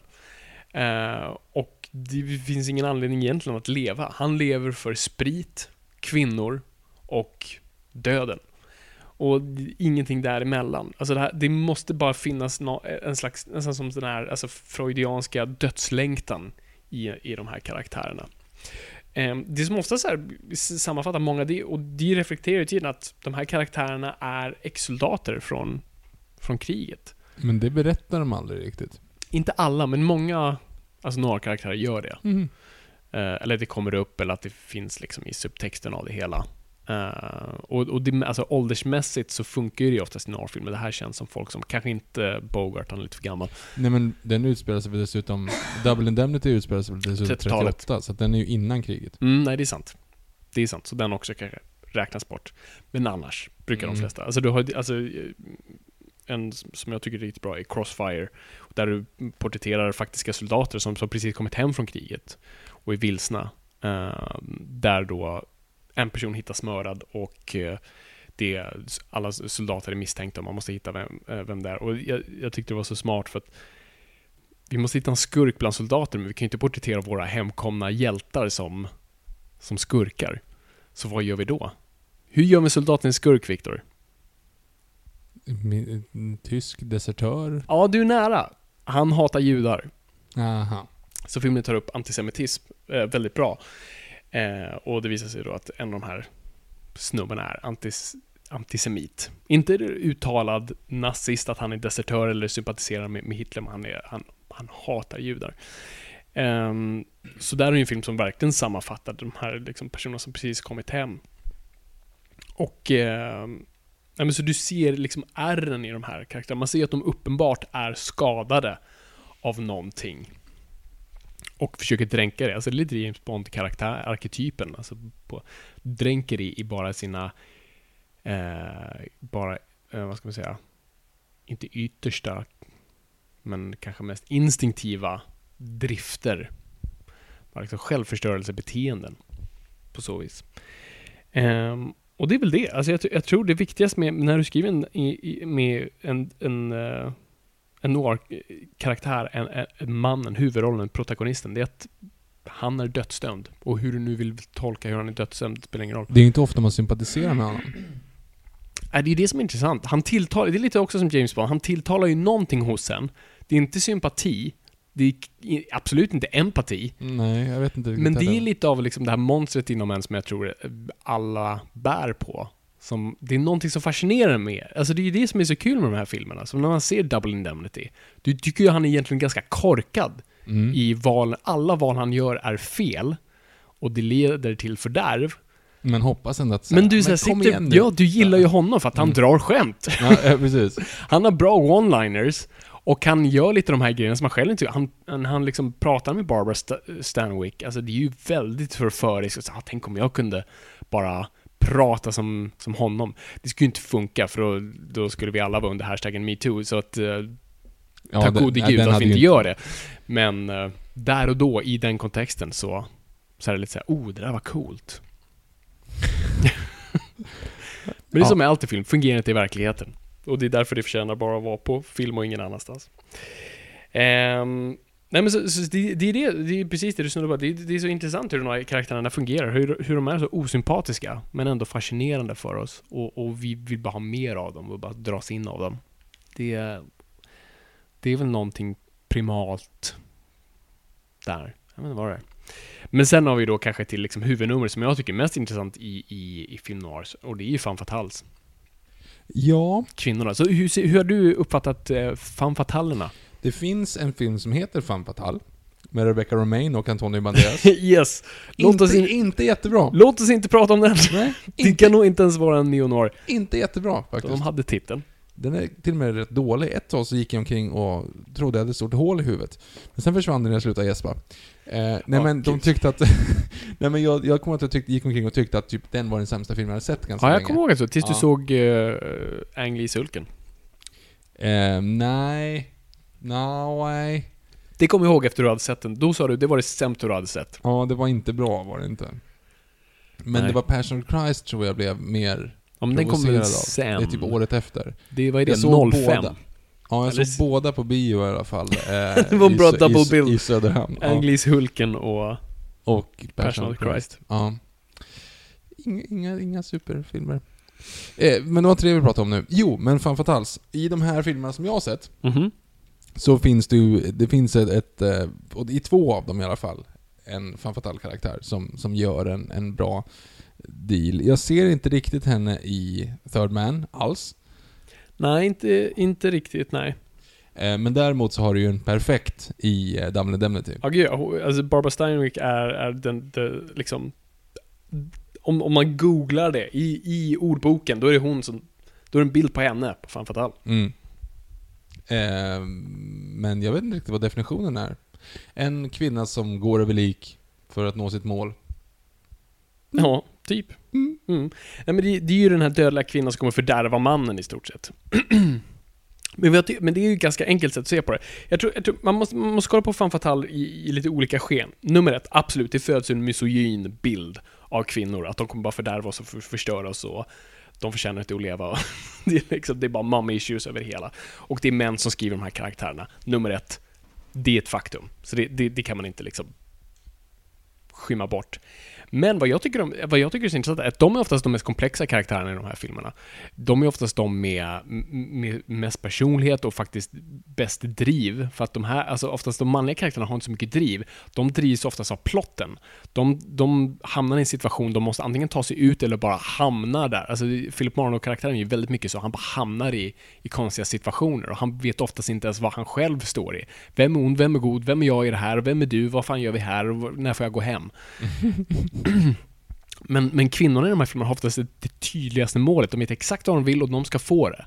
Och jag tycker det, de oftast är väldigt komplexa, vilket jag tycker är så här, för nu pratar vi om så här, strong female characters, ett koncept som jag hatar. In, inte grejen att de ska vara starka, utan jag förstår bara inte varför vi inte kan ha kvinnliga karaktärer där de är svaga, liksom starka, komplexa, har problem, har brister, för det är det drama går ut på.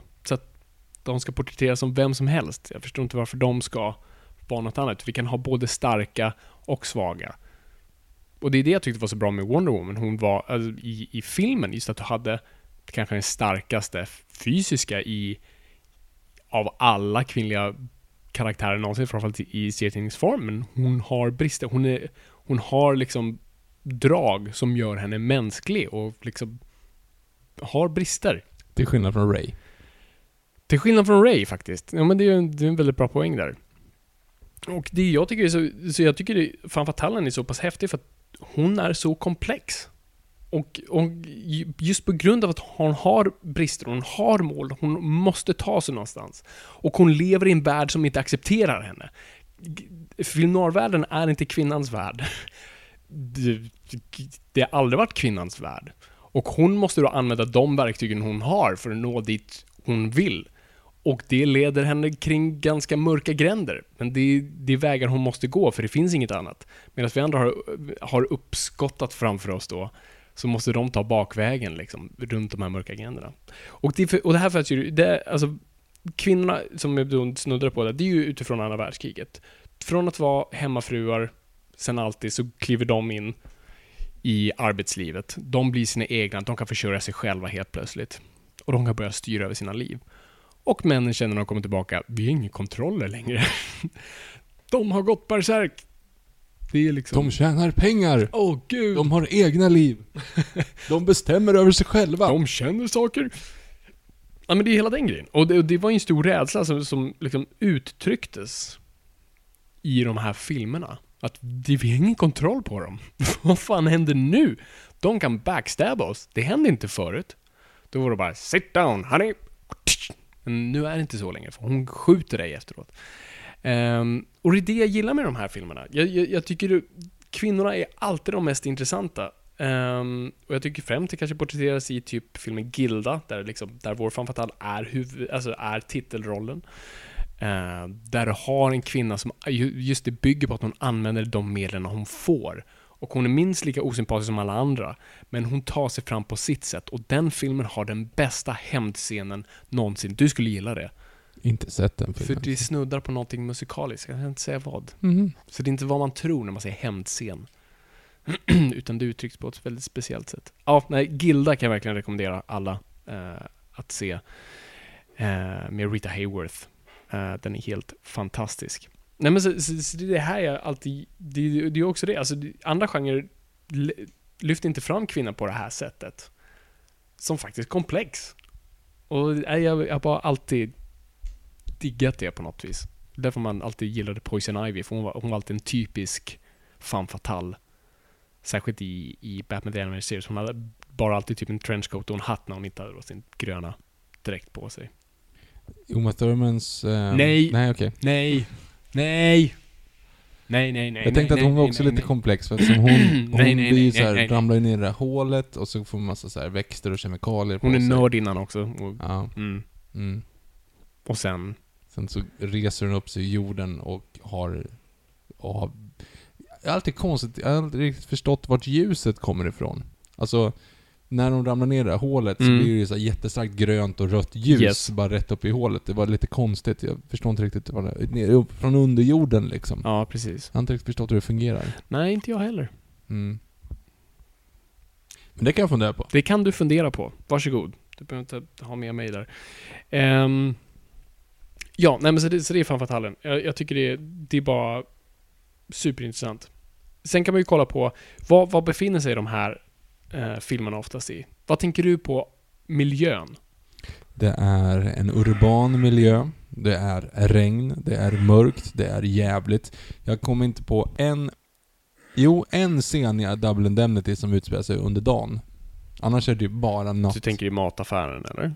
Ja, då är inomhus, okej. Ja men två Ja. Men du har ju också när de är... När han kommer till hennes hus första gången typ. Mm. Alltså, det är på den nivån. Ja. Annars känns det bara allting är natt. Ja. Natt och mörker och regn och tragiskt. Mm. Jag tycker regnet är så intressant för att regnet är ju alltså...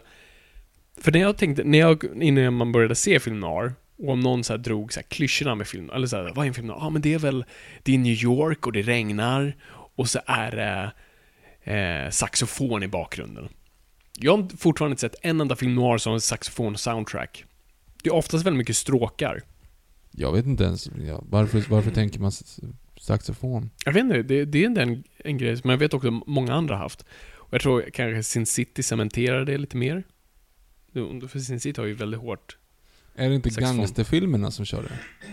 ja de också, antar jag. Eller nej, Alltså, gangsterfilmer man- tänker jag inte så mycket på. Eller det kanske är trumpet? Ja, trumpet kanske, för du tänker typ på Gudfadern. Ja. Men hur som helst, det som, är, det som är intressant med regnet då, det är att nummer ett, de flesta film noirs utspelar sig inte i New York alls, utan i Los Angeles. Och hur ofta regnar det i Los Angeles, Victor? Inte så ofta alls. Typ en gång om året. Mm. Det är tydligen ganska kul, för folk kan inte riktigt hantera när det regnar. Det är lite som när det blir snöväder här. För att gatorna blir tydligen så fyllda av liksom oljebeläggning och skit så att det blir superhalt överallt och det är bara kaos och bilar åker hur som helst. Alltså det är rena havet stormar där borta. Men i film så, så, även när man är i Los Angeles så regnar det ofta. Uh, vilket är kul. Um, men någon beskrev, oh, det, jag tyckte det var så fint formulerat hur, hur staden var. Alltså det var, det var ett skelett.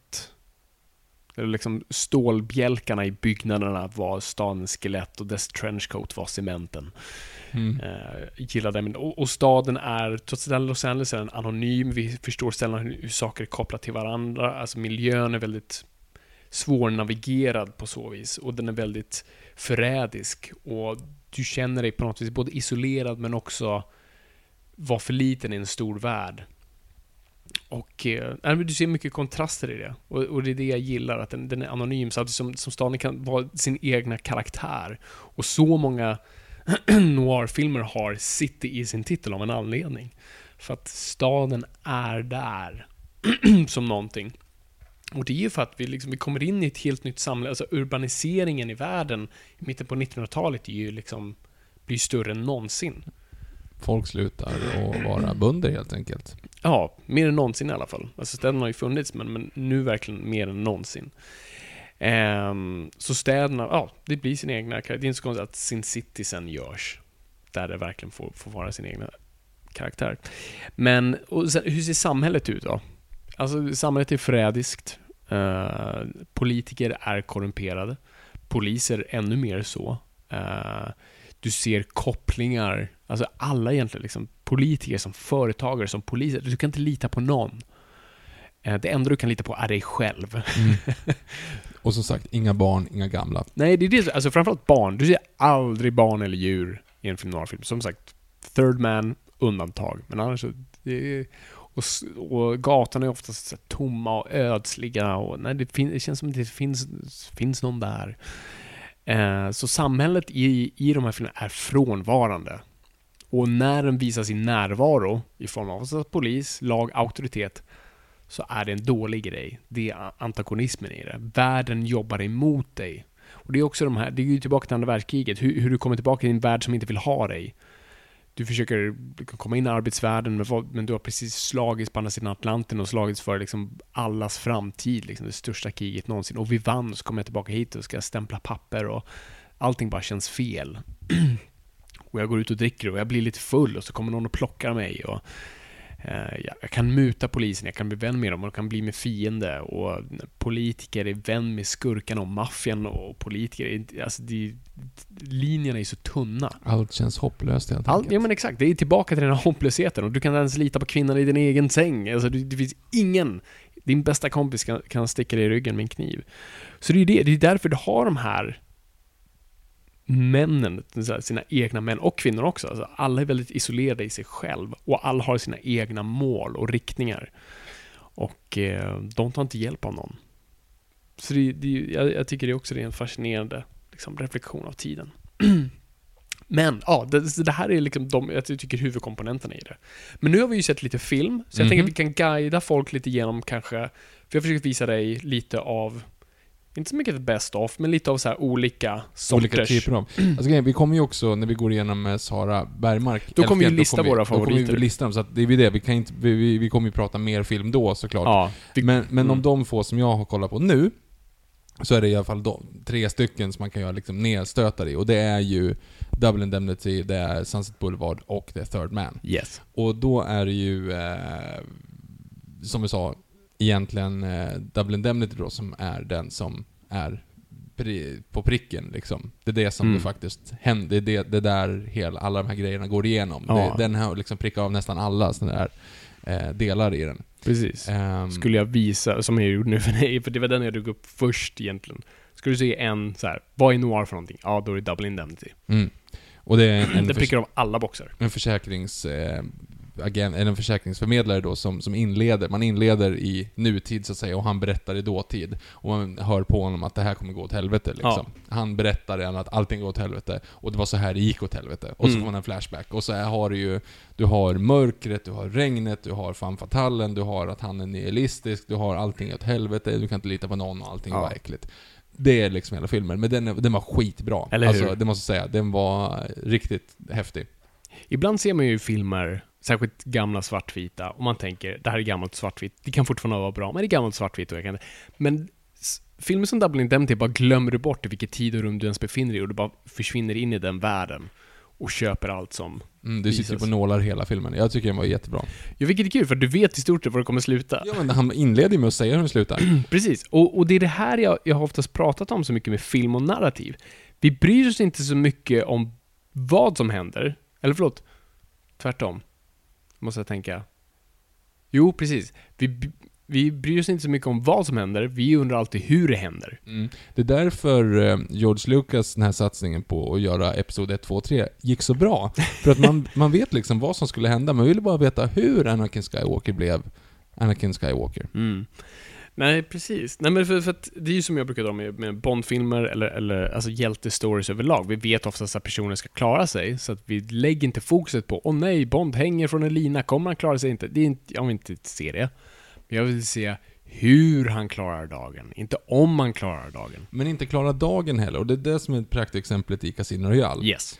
Och det har vi pratat om miljarders gånger i den här Mhm. podden. Nej, inte miljarders. Nu överdrev jag. Men vi är tusenfalt i alla fall. Ja, ja, åtminstone. Eh, då säger vi ju liksom så här att den, han, den förstod ju grejen att det handlar inte om att han ska överleva eller inte, utan Nej. det handlar ju om han måste tillbaka till pokerbordet. Mm. Alltså det är därför när han håller på att dö så är det inte så här, åh jag tror att hans hjärta stannar nu och filmen är slut. Mm. Det bara, nej, det är ingen kommer Nej, för tro vi, det. precis. För vi bryr oss inte, kommer, vi vet att han kommer överleva. Men han måste hinna tillbaka. Han Han måste, måste, tillbaka till han måste-. Ja, precis. Nej men och det är ju, så är det ju. Och det är ju jättehäftigt att man kan bygga det narrativet. Och där har du ju också den, för den filmen sitter du hela tiden och bara och liksom såhär, åh Mm. oh, nej, åh oh, nej, inte där, åh oh, nej, akta bakom, akta fiskarna. Guldfiskskålen står mitt i solljuset, du måste ta bort den för det kommer bli algbildning och de kommer inte kunna andas och de kommer dö. Det är jättesynd om guldfiskarna. Ta bort guldfiskskålen därifrån fönstret. Där hade Nu. du djur med. Ja. Det är djurplågeri också. Men i alla fall, det är, eh, den var jättebra. Eller hur? Nej, men det är Billy Wilder eh, som gjort det. Som faktiskt skrev manuset tillsammans med Raymond Chandler då, som hade skrivit då Philip Marlowe-böckerna. Så att du, du märker den här distinkta noir-rösten där, med väldigt smart dialog, väldigt quippy dialog och väldigt smarta monologer i hans huvud. Som är, alltså det är det här också till, till film noir. Film noir är ju aldrig realistisk. Du för fem öre tror ju inte så åh, det här är naturalism. Det här försöker reflektera verkligheten, utan det, det är så stilistiskt och det är, så, det är nästan sin egna fantasivärld. Men det är inramat på, på ett väldigt speciellt sätt. Eller som sagt, inramningen är overklig. Eller fantasifull, ibland. Men det som sker är på något vis i verkligheten. Alltså vi är i verkliga miljöer och, och, och saker händer på riktigt. Men, men på något sätt, allting ser lite surrealistiskt ut. Och den tycker jag sammanfattar det väldigt bra. För det är inte för någon chans att man har så snabb, snabb och cool dialog som han och Barbara Stanwyck har i början där. Men det är ju inte, alltså det är ju, de läser ju på papper. Mm. Och de hinner ju inte vänta in en reaktion. De, de kör ju bara rätt emot varandra. Eh, vilket vi kan leda över förvisso på Third Man. För där har du ju också, det är ungefär som det var i Spartacus. Det vill säga att du kan, du, du märker de gamla skådespelarna, de gamla så här, eh, theater actors, Ja. som står och rabblar sina repliker mot varandra. Och sen helt plötsligt kommer någon som, som är grym. Orson Welles kommer in och bara tokdominerar Orson Welles. Nej men alltså han bara kom in och tog dominera. Man bara såhär, shit det var så här. Det är Mm. så här det ser ut liksom. Det är ju det är väldigt kul Mm. Att se bra skådespelare, eller man ska säga, det är konstigt att säga bra skådes- skådespeleri, för det funkar det de gör också. Mm. Men det blir ju en, en, en, eh, en förhöjd verklighet när alla pratar som teaterskådespelare och vet, har liksom perfekta comebacks på alltihop. Mm. Så att det, det blir en speciell typ av dialog. Absolut, Nej, men du, du behöver ju de perfekta skådespelarna. Och när, när det är bra castat, det är då man verkligen känner... Orson Welles är ju en av de bästa skådespelarna som har levt. Och regissörerna och manusförfattarna. Han var bäst på allt. Så att han bara, han skiner i sin egna lilla bubbla. Jag bara tänkte på eh, stickspår där med, med Casino Royale. Det, alltså, nu är ju inte det för det går emot med regler, men den skulle nästan kunna vara noir. Börjar när det är svartvit, filmad i Dutch tilts. Du har en femme fatale. Du har en dödsdömd man i stort sett som inte har en liksom levnadsgnista. Uh, Ja.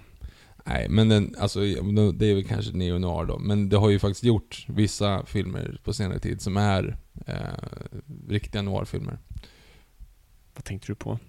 Moulin Rouge. Va? Moulin Rouge. Mm. Nej. Va? Nej. Va? Nej. Va? Nej, Vadå då? nej, nej. Den Det är en musikal, Victor. Ja, den börjar, den börjar lite svartvitt. Han säger, först han säger 'My Satine is dead' du vet, det, det blir en flashback. det är en Eh, pistol med. eh, det är en pistol med. Inga djur. Eh, En orm, tror jag. Ja, ja, jo, men ändå. Och en stor elefant, men inte en Eh, riktig Ja, det är inte på riktigt så. Och så är det ju bara så här, det finns en femme fatale. Är hon en fan fatal? Nej, inte Satin. Hon som sjunger Roxanne, fast inte en hon man. utan en annan. Ah, okej.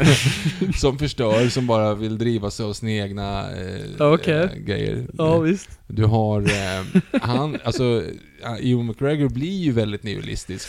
Han, Ja. han vill ju ingenting liksom. Nej, precis. Men innan han- dess är hon väldigt optimistisk och Ja, kärlek men kan rädda innan världen. dess, men det är ju säkert han för Bogart innan han upplevde att han, han var på Moulin Rouge, då blev han ju deppig efter det och då Det är utspelas där allt börjar. Det är, där, Det är prequel liksom, för alla hade en konstig kväll i Paris. Precis, det här är liksom Double Indemnity Begins. Ja, ja, det är, ju- ja absolut.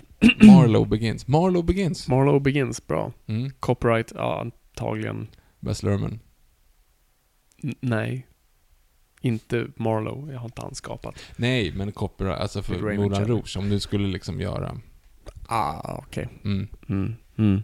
Eh, Mm. Nej, jag håller inte riktigt med dig. I bästa fall är det melodrama, men eh, jag skulle inte säga... Melodiskt? Alltså, ja, melodrama har ingenting med melodi att göra Du, du förut. kan, kan, kan. Okej. Ja. Men jag, jag, ser, jag ser din poäng. Mm. Jag, jag tar åt med den. Sen har du också Troja, för Troja, när Nej, den... nej, nej. Inte jävla Troja. Okej, ja. Vi, vi gör ett avsnitt för dig om Troja, så du får bara prata av dig Ja. och argumentera varför det är världens bästa film. Mm. Okej. Du har den på DVD va? Japp. Ja. ja, just det. Mm. Ja, vi fortsätter. Mm. Eh, nej men, Dublin Demon typ. Eh, det är ett fullkomligt mästerverk. Eh, det är av den finare, om man ska säga finare sorten av film noir. Det är en studiofilm, den, den är väldigt krispig och fin och man ser att den är välgjord och de hade råd. Och de har verkligen satt in sitt arbete till fullo i den. Eh, nej men för mig, det, ah, ah, nej alltså det jag vet inte vad mer man kan säga om den, men alltså, ni som inte har sett den, se den för guds skull. Det är ett satans jävla... Alltså Billy Wilder är en av mina absoluta favoriter. Jag tror han är liksom treenigheten, jag skulle säga Kubrick, Hitchcock och Bill Wilder. Ehm, och han på något vis, nästan klyschig, det är nästan klyschig film noir i den, just hur dialogen, det är väldigt Wilderig dialog. Roland Emmerich skriver ju inte sina manus, så han har ju ändå Han inte har liksom... skrivit några manus. Mm. Fan, skrev, var han med och skrev den nya eh, Independence Day? Jag tror det. Jag tror han har manuscredit på den. I alla fall en story credit. Ah, ja, skitsamma. Sen nästa film är... Third Man kan vi ta den. Ja, vi kan ta Third Man. Ehm, Jättecool. Ja, men den är cool utifrån, alltså storyn där är i alla fall att en man som kommer, till, eller kommer från USA och åker till Wien eftersom hans polare har ringt dit honom för att han vill ha, få honom att få jobb i Ja. Wien. Och den utspelar sig 1949, det vill säga fyra år efter kriget. Mm. Den är också inspelad 1949, det vill säga fyra år efter kriget. Ja. Så att hela stan är bombad. I Alltså, Wien dessutom. Ja, Mm. den är inspelad på location, så att alltså, halva stan är ju mer eller mindre ruiner. Ja. För de har inte hunnit rensa upp. Och det är ju sjukt coolt. Alltså man tänker ju inte på den, alltså, den perioden i Europa, när Europa var sönderbombat. Att Ja, man bodde omkring, man levde liksom fortfarande i de här husen. Absolut. Och granna, grannhuset kunde vara helt sönderbombat, det var skotthål överallt. Och liksom folk byggde Mm. ju ändå upp den här, det här samhället där man ändå hade teatrar och biografer och allting. Men varannat hus är sönderbombat och det bor Mm. liksom råttor och, och, och Hitlerbebisar i dem liksom. Hitlerbarn. Alltså det är bara för, för att förstå Hitlerbarnet. Det är ett barn som är med som ser ut som en ung Adolf Hitler. Och han är typ en ung Adolf Hitler också. Citat Viktor Engberg. Mm. Nej men han gör ju det. Han, han är ju liksom ond. Det är ju han som sprider alla rykten och såna här saker. Det är ju typ så ju. Ja, och så här, jagar våra hjältar så här, Achtung, Achtung!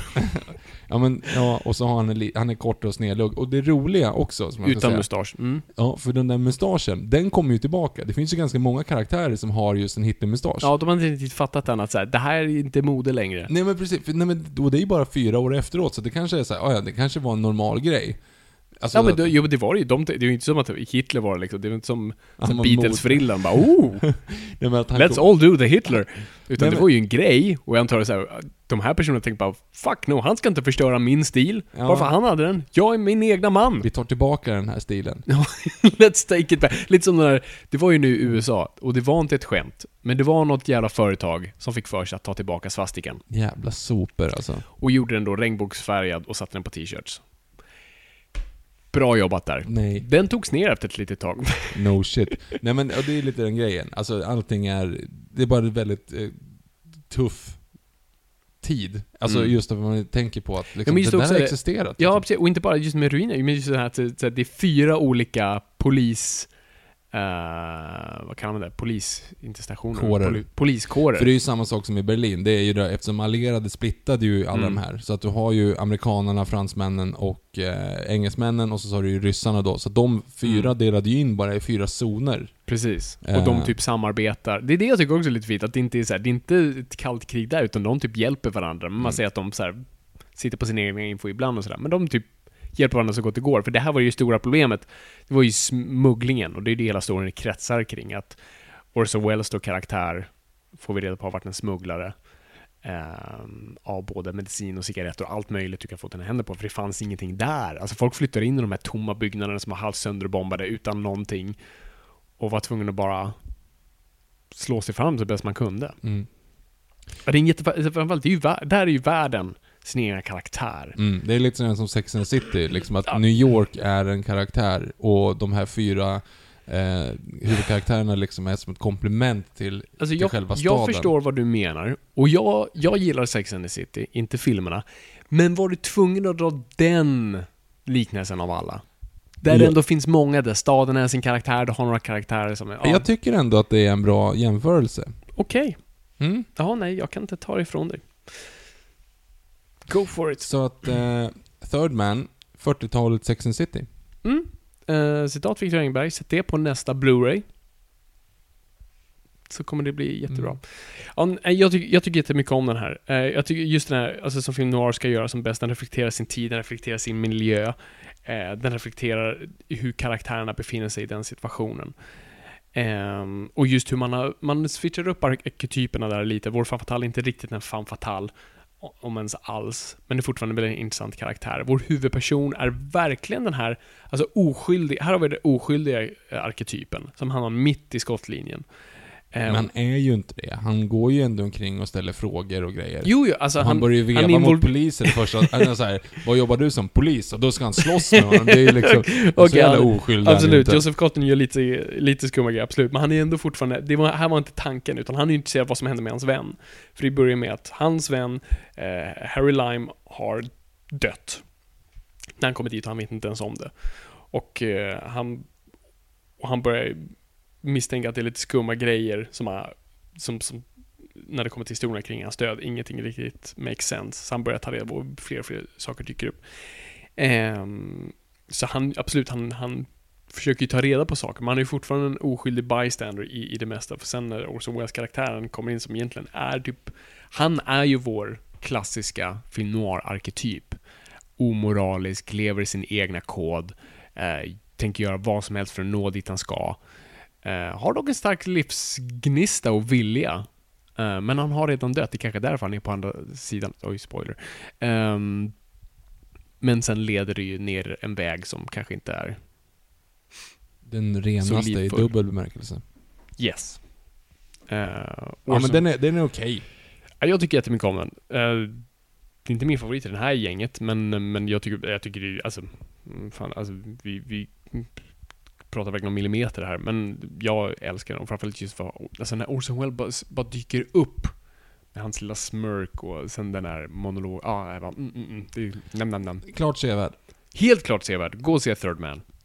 Gå och se. Gå jag och tror se. inte att den rullar jättemånga Gå till din närmsta biograf och fråga om de har Third Man. Och så vill du ha en, en dricka och en popcorn och en nickel. Mm. Jag tror du kommer bli utkastad. Mm. Men det leder över på en film som jag antar att... Jag förstår att du tyckte verkligen mycket om den här. ja, det här är ju, det här är ju min favoritfilm. Det är Sunset Boulevard. Eh, Är det den bästa film du vet? Alltså är det, är det din favoritfilm? Jag tror det. Alltså det är, det är jättesvårt att, välja favoriter och sånt där kommer förändras via åren och jag tycker det är konstigt att ha en favorit överlag. Eh, för att det tyder på att liksom det finns någonstans en platå där, folk, där man kan ställa filmer och sånt där. Men hur som helst, det här är min favorit. Det här är den filmen som jag mår bäst av att se, som jag troligtvis kanske är den, ja, som jag älskar mest. Mår du bra av den här? Jag den mår ju bra av den. Jag får en sån här som jag får av väldigt få filmer. Alltså du vet när du blir varm inombords. Och då menar jag bokstavligen, alltså jag blir varm i bröstet. Som att dricka den här whiskyn eller som att bli kär för första gången. Alltså man får den här Vadå, konstiga... första gången? Eh, Eller bli arg till och med. Du vet när man får en sån här kokande känsla inombords. Det är de grejerna som bubblar inom mig. Och jag får en sån här, jag vill bara ställa mig upp och veva i luften av ren lycka med vissa scener. Men den bara, it does something to me. För den jag, jag, först- det är så här, jag tycker att den är bra, Mm. men jag ser inte riktigt vad du tycker att den är så jävla bra. Nej. Men det när man- när jag såg den nu, då, så kände jag så här: okej, ja men jag förstår, det är...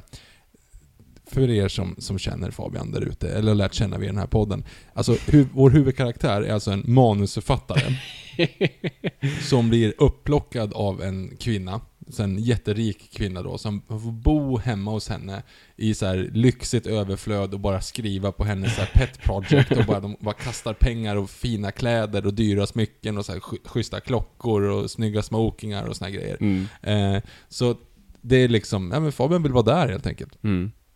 Jag kom på, jag har ju fan redan hamnat i den här situationen. Inga namn ska nämnas. Eh, men jag blev en gång tillfrågad, jag blev kontaktad av en person Som just var e, en, en, äldre kvinna som ville att jag, jag skulle vara med och hjälpa henne skriva hennes livshistoria som ett filmmanus. Det var några intressanta möten. Ja, nej, det var... Ja, man, klart, man har inte, man har inte sett Ulla Skog på ett tag. Det, liksom, det var inte Ulla Skog. Det var inte en känd person, det var också det som var intressant. Men det var en person som hade en väldigt intressant, och jag var tvungen att just förklara den här grejen som jag har fått förklara för väldigt många, särskilt unga manusfattare, eh, när man läser deras grejer och de säger, om man ger lite kritik och de säger Nej men, jag har levt det här, det här är min story, det här, jag har upplevt det här. Ja, so what? Det gör inte till en bra story. Och särskilt inte när du själv har upplevt det, för då har du ingen objektivitet till det. För att någonting kan vara skitintressant för dig, som en historia du berättar om när din katt sprang upp i ett träd. Det var skithäftigt när det hände, men det har hänt ganska många, och vi har sett det porträtterat många gånger. Det gör inte nödvändigtvis intressant, men det är det. Så det, det är därför du aldrig ska skriva om dig själv i dina manus. Du kan ha aspekter av dig själv, och ta känslor och, och, och vissa kanske sekvenser och sånt där, men du ska aldrig skriva ditt liv som ett filmmanus, för att eh, böcker fungerar väl bättre, men, men framförallt inte filmmanus, för att du, du, har inte den objektiva känslan du behöver för det. Och det var lite det jag behövde förklara, att det här är svårt. det blev ingenting av det där va? Det blev ingenting av det där. Eh, tack och gud. Jag, jag drog mig ut efter ett tag.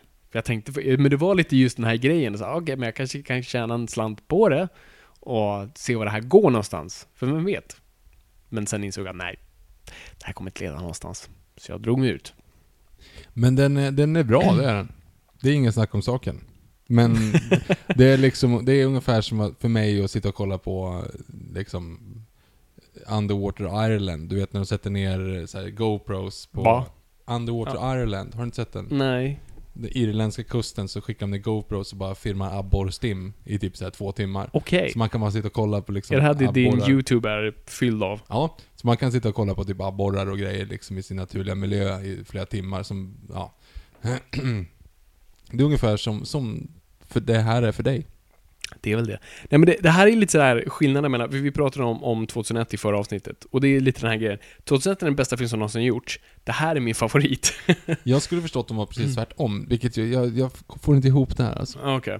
Eh, Nej men jag vet inte bara, för det är det, jag, jag, jag kan nog försvara 2001 bättre och jag hoppas att jag gjorde det i förra avsnittet. Bara så här, nej men det här, du måste uppskatta det här för det här är det den lyckades åstadkomma och det är det han den gjorde, förstå vad det här är för någonting.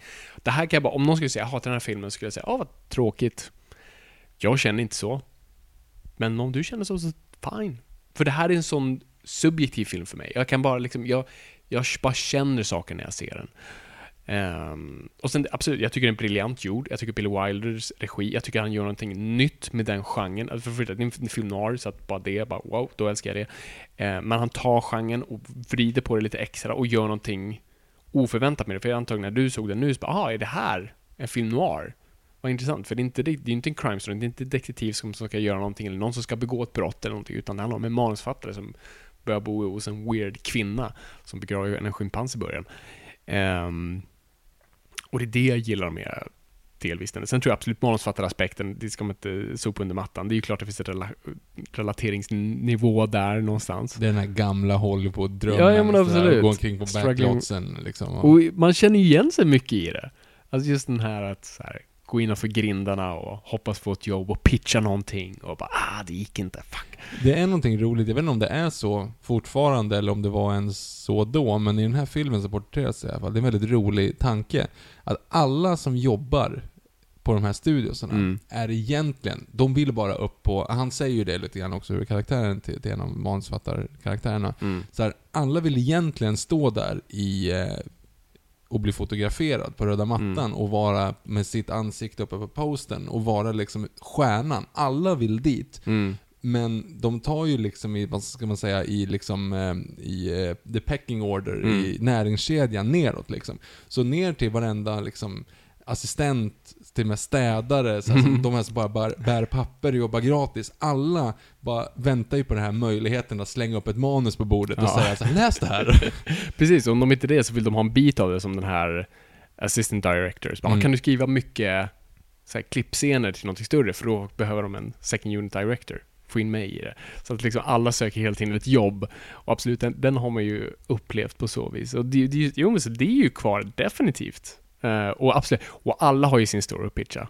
Jag vet Ja, inte hur, hur många pinsamma uh, sådana här, vad ska man säga, cocktailparty och sånt där. Och alla har ett, alla har ett filmmanus i, i sin byrålåda. Ja! Om man står där och nickar åh, bara, ja, vad jo, kul! absolut, det, det handlar om dig, ja okej, ja, kul, ja. Ja, det måste varit jätteintressant när du upplevde det där. Ja, jo, jag, jag förstår det. Det finns ju några fler som varit med om förlossningar visserligen, men... Ja, eh, jo, jo. Nej, jag förstår. Din var väldigt speciell. Ja, helt klart. Definitivt. Nej, men det, det... Att ha gjort det är en stor grej och du ska vara stolt, absolut. Men, men det har ju hänt ett par gånger. Och, och nej, jag vet. Ja, absolut. Nej, men jag... sk- Me, me, maila det du. Så, så tar vi en titt på det där. Ja, jag ska gå på toa nu. Ja, nej men det är ju lite kul för det, är ju typ det de porträtterar, att alla är såna. Mm. Alla vill egentligen bara liksom pitcha sitt manus. Ja. Eh, det är en ganska rolig miljö. Mm, jag tycker det är, det är så romantisk miljö, för det är ju lite den här gamla Hollywood, det är innanför grindarna och du har de här bungalowsen och att manusförfattarna liksom jobbar, hade kontor där på filmstudion och satt där, fick ett rum, det fanns en säng där troligtvis, de kunde bo där, sen bara gå ner till cateringen och plocka på sig lite mat och så gick det runt cowboys och riddare i bakgrunden. Romare. Romare, det är, alltså det, det är det. Ska du någonsin porträttera en filmstudio, framtida regissörer som lyssnar, då måste du ha romare, Mhm, riddare, mhm, cowboys mhm. och astronauter. Beroende på vilken års, bakgrunden. vilken, vilken tidsperiod. Astronauterna kom ju efter 60-talet. Ja, exakt. Så innan 1968 så, ja, eller Mm. 69, så skit i det. Men, eh, men annars så måste det Men finnas. romarna är den Men viktigaste. det är ju det som är, det är ju det i Blazing Saddles, i matsalen där. Fantastiskt. Då har du ju dock Hitler där, den, den kan du skippa. I'm done after the bunker scene. Mm. oh. Och är det något som, nej, så. Gå in på vår YouTube-kanal, Nörden aj, för att hitta vår dans. kan, glöm inte se vårt intro framförallt till, till Comic Con. Just det. ni som inte har gjort det. Ehm, nej men så, så miljön är fantastiskt eh, bara suktande och fint. Eh, och jag kommer ihåg när jag, jag jobbade ju en gång på gamla SF-studion i Solna ett tag och då satt jag i de gamla stjärnlogerna. Det var sån här, oh, det här är en sån här mysig historia. Och du gick igenom grinden på morgonen. Det är något ofantligt romantiskt i det. Och eh, det är synd att det inte är kvar där längre. Finns inte Trollywood fortfarande? Jo, men det är inte riktigt så här grindar och bungalows och grejer. Nej, det är vanligt så kontors. Så jag har inte varit i Trollhättan. Jag har varit i Trollhättan. Mhm. Ehm, jobbade då när jag körde min eh, barkarriär och var på några, jag kommer inte ens faktiskt inte riktigt ihåg vad de hette. Jag tror att det var en Harrys eller något liknande som var... Eller det var en O'Learys som låg under ett hotell. Där jag varit. Eh, för jag bodde på hotellet och så giggade jag under hotellet. Men det jag gick omkring och gjorde i alla fall då, hela Mm. tiden, det var ju bara att citera Peter Mark-texter. Han är från Trollhättan. Ah, Alla hans låtar handlar ju om, handlar ju om Trollhättan. All right. Eh, flickan och, eh, pojken och flickan på Drottningtorget säger de kysser varandra. De blundar för bussar som kör förbi som bara älskare kan. Då kunde jag sitta där på, på Drottningtorget och titta på bussar. Eh, och sen... ehm, eh, jag var ju från eh, den som heter Little Willie John. Då säger han att han är hennes unge älskare från Stallbackas bilfabrik. Jag åkte förbi, tittade Okej. på skylten. Ja. Stallbacka bilfabrik. Ja, ja, ja. Du borde skriva ett filmmanus om det här, Victor. Eh, ja, för jag upplevde det här själv och eh, då är det på riktigt. Så då är det bra. Japp. Ehm, ja, nej men alltså... Hon bodde på fel sida älven i en nedlagd mjölkbutik. Och då var det fel, älven och sen bara... Och jag var hennes unga älskare från Stallbackas, Stallbackas bilfabrik. Vi brukade åka omkring i hennes Dodge 67. Hon sa, vi kör hela natten... Nej vänta. Vi åker omkring i hennes Dodge 67. Jag bara, nej, det, det, är faktiskt inga fler Trollhättan-referenser i den låten, inser jag nu. Så att det var inte så intressant. Nej. I stan där jag bor. Okej. en miljö. Nej men så, det finns så mycket Sunseaborg. Jag vet inte, alltså, jag tror vi kommer prata mer om det här med, med, med Sara då vi listar saker och ting. Japp. Men det finns så många bara, alltså det, Man blir ju förälskad i, i kärlekshistorien, inte med Norma Desmond, men med Betty Schaefer. Blir man? Nej, okej, det är bara jag. Men nu hänger jag inte med alls. Det blir man inte alls ju. det blir man ju. Det blir man inte Man alls älskar ju dem två. Men inte alls ju. Jo. Han vill ju inte ha henne. Jo. Hon är gift med någon annan. Ja. Varför skulle... Alltså det där nu, nu, nu har du någon sån här manusförfattarsnack igen. Nu hänger jag inte med. Von, ja, okej. Nej. De jobbar ihop. Ja, och de är jättegulliga tillsammans och... man De jobbar henne. ihop. De jobbar ihop och hon och hennes blivande man är på annan ort. Ja. Ja. Och han är typ 15 år Det är en äldre. film noir trots allt. Ja, men de är väl inte alls söta mot varandra? Det är söta mot varandra är de. Sen, Det kan de du, ju- sen kan du argumentera om dem. Jag pratar inte om Norma Desmond. Nej, jag förstår det. Nej, bara... Chefer. Ja. Ja. Hon är väl inte... Jag först, nu förstår vi. Nej. Vadå? Nej. De jobbar ihop och så skriver de ett manus och så tycker hon att han är bra och han tycker att hon är så... Och så är det en attraktion mellan dem och de dras till varandra och de, Han säger ju typ så här, stå inte så här nära. Så Ja, precis. jag står... För om att jag vill inte utnyttja dig. Han är en god man. Det låter ju snarare så här som att han inte kan behärska sig. Det är väl lite det också, men... Så att det är så här, urkraften i manligheten, jag kan inte lägga band på mig själv, så slå mig om jag kommer i närheten av dig så här igen. Det är ju inte riktigt, det är ju inte kärlek kanske. Nej, jag vet inte. Eh, nej, men och, sen, och sen prestationerna. Alltså Gloria Swanson som, som Ja, Norma Desmond är helt otrolig. Mm. Och helt sjukt att hon inte fick en Oscar. Men hon var nominerad då? Hon var nominerad. Mm. Eh, William Holden är också helt fantastisk som en väldigt sympatisk, osympatisk karaktär. Eh, den är weird, ibland blir det som en David Lynch-film, men den görs 1950. Den är helt före sin tid, den använder noir- noir-genren på ett helt nytt sätt och utvecklar genren. Den sitter inte och bara stampar. Han, liksom, han tar det, Wilder använder det han lärde sig på Double Indemnity, men väljer inte att bara gräva där igen, utan nu gör vi någonting nytt. Ehm, den, den visar liksom den, den mörka undersidan av Hollywood, som jag är fast, det är också det jag dras så mycket Jag gillar ju den, den delen av Hollywood. Eller jag gillar inte, jag är fascinerad av den. Alltså lite det som vi ser nu med hela metoo-grejen. Alltså det är fortfarande kvar. Nu handlar ju inte Sunset Boulevard om just det, den aspekten, men absolut den mörka sidan av Hollywood. Ja men man, man, det finns ju undertoner i det såklart. Ja, definitivt. Och, eh, och, och så den filmen, alltså nu när vi såg den efter allt det här som har hänt med Weinstein och nu all, all, allt som dyker upp i alla branscher såklart, men, men främst i Hollywood, hur, hur gammal den kulturen är. Och hur, hur länge den har funnits. Och den har inte klivit ut i ljuset som många andra kanske har. Utan det finns kvar där.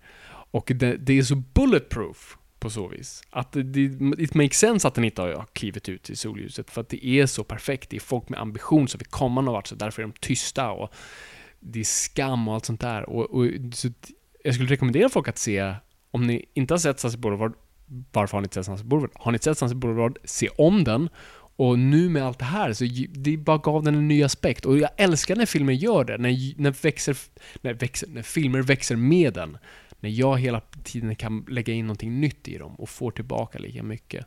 Sen är det också ganska intressant, för det handlar ju om att hon är gammal så här 20-tals skådis. Stumskådis. Mm. Alltså under stumfilmerna var jättestor, den filmerna kostade apmycket pengar Mm. och alla var dultrastjärnor. We didn't have dialogue, we had faces.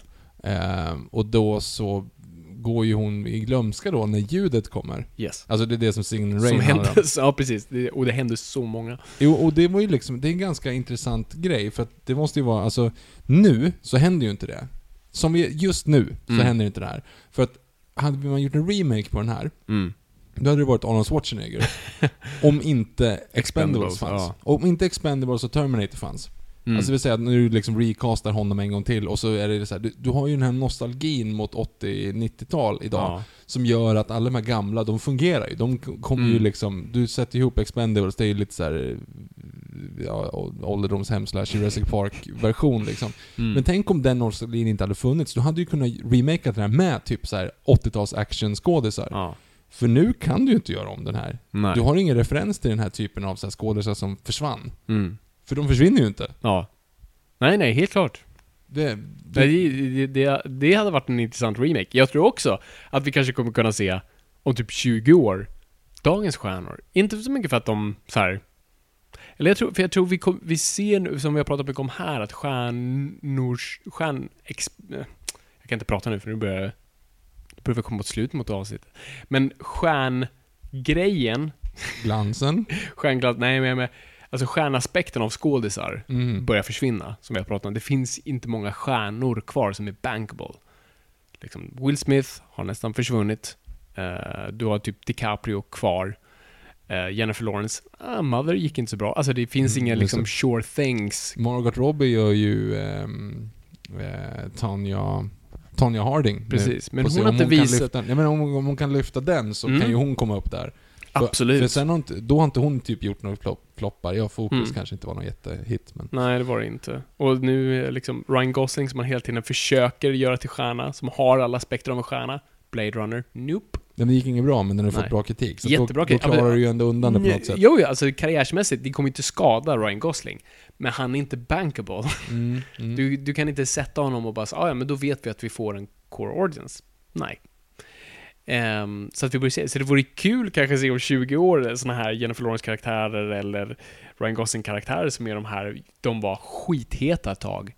Och sen bara försvann i glömska för att vi värderar inte stjärnor. De kommer och går ganska snabbt, lika som musiker. Alltså såna här Justin Biebers och de där. De kommer, ju- Justin Biebers kommer ju inte titta tillbaka på som en Elvis. Eller en John Lennon. Eller en Michael jag Jackson eller göra det, Madonna. men Nej, nej, vi framförallt, men jag tror inte... Alltså absolut, de som gillar honom, jag tror de som gillar honom kommer se på honom som folk som ser på Backstreet Boys idag. Det var kul då, det är nostalgiskt. så kliv av scenen, ni är 50 år gamla. ja, typ. Nej, men så jag tror mer så, man, man kommer inte kolla tillbaka på Justin Bieber. Vil, vilket geni! Vad han förnyade och förändrade musiken för all framtid. Uh, prat, ja, jag vet inte om jag pratar med dig om det här, men det kanske vi just det så här, det finns inga liksom, riktiga stjärnmusiker längre. De här, Michael Jacksons, Madonna Ed och... Sheeran kom ju dit. Han är bara stor nu, men jag tror, ge honom tre år och folk kommer liksom... Han säljer ut Friends Arena nästa sommar. Nej men absolut, men kolla på Lady Gaga. Monster som var en sån här, det var ett super, det var så här, oj shit, ett album som säljer i modern tid, det händer inte, den slår rekord. Och sen släppte hon sin, eh, sitt album efteråt, sålde typ 100 000 ex. Under miljoner. Alltså, Mm. hon försvann väldigt snabbt. Absolut, hon är kvar och hon kan sälja ut arenor, så jag ser inte att Lady Gaga är Beyon- borta. Beyoncé är störst. Beyoncé, där har du faktiskt någon. Ja, faktiskt. Men det är hon är den enda jag kan komma på. Och som faktiskt gör någonting med sin genre. Mm. Som jag tror inte folk kommer kunna lyssna på albumet. Nu är inte jag ett rb fan så att jag är helt fel person att prata om det här. Men det känns som när man hör på andra, ja nej men hennes Beyon- album. Beyoncé är nog fortfarande liksom stor nog. Mm. Annars... Och sen tror jag kanske inom rapgenren och sånt där finns det folk. Men ja. Hur Men jag vet inte om någon som fortfarande kan vara störst. Alltså Ja. Kanye, visst han skulle sälja ut någonting, men jag tror inte att, jag vet inte liksom om han är tidlös på det sättet. Ingen aning. Det, det finns betydligt mer bildat folk som, som kan säga någonting om. Det är sant. Yes. Nej men... Anders Glenmark. Anders, precis. Nej men Sunset Boulevard, jag vet inte mer vad jag kan säga. Vi kommer prata mer om den. Men, men jag, om ni inte har sett den, för guds skull, se den. Uh, det är en speciell film. Uh, den är en av de bästa uh, soundtracken någonsin. Frans Waxmans score till den filmen tycker jag är en av de vackraste filmscoren som någonsin har gjorts. Uh, den är otroligt bra filmad. Den används inte så mycket av noir uh, gestaltning. För det är inte så mycket kontraster i den så. Den använder lite intressanta grepp, men inte så himla mycket egentligen. Utan noir-aspekten ligger väldigt mycket i karaktärerna.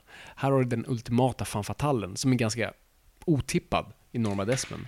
Det är inte riktigt en fan fatale så vi ser det, men det är en ny Mm. spin på det. Och hon kommer absolut bli någon stöd.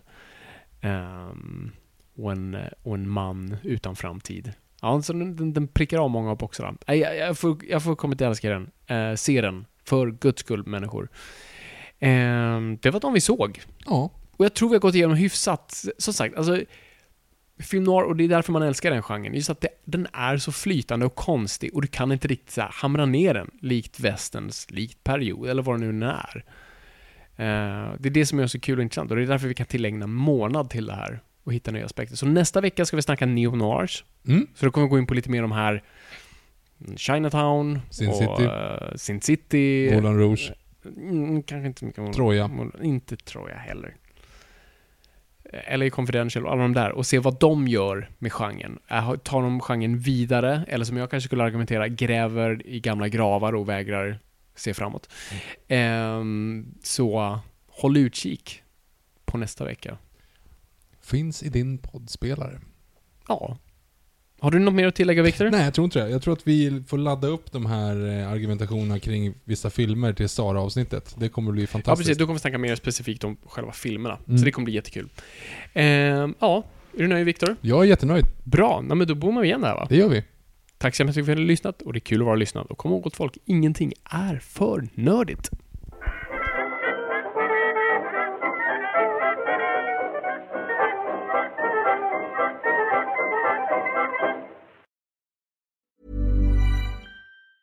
M. Imagine the softest sheets you've ever felt. Now imagine them getting even softer over time. That's what you'll feel with Bowl and Branch's organic cotton sheets. In a recent customer survey, 96% replied that Bowl and Branch sheets get softer with every wash. Start getting your best night's sleep in these sheets that get softer and softer for years to come. Try their sheets with a 30-night guarantee. Plus, get 15% off your first order at bowlandbranch.com. Code BUTTERY. Exclusions apply. See site for details. Planning for your next trip? Elevate your travel style with Quince. Quince has all the jet-setting essentials you'll want for your next getaway, like European linen, premium luggage options, buttery soft Italian leather bags, and so much more. And is all priced at 50 to 80% less than similar brands. Plus, Quince only works with factories that use safe and ethical manufacturing practices. Pack your bags with high-quality essentials you'll be wearing for vacations to come with Quince. Go to quince.com/pack for free shipping and 365-day returns.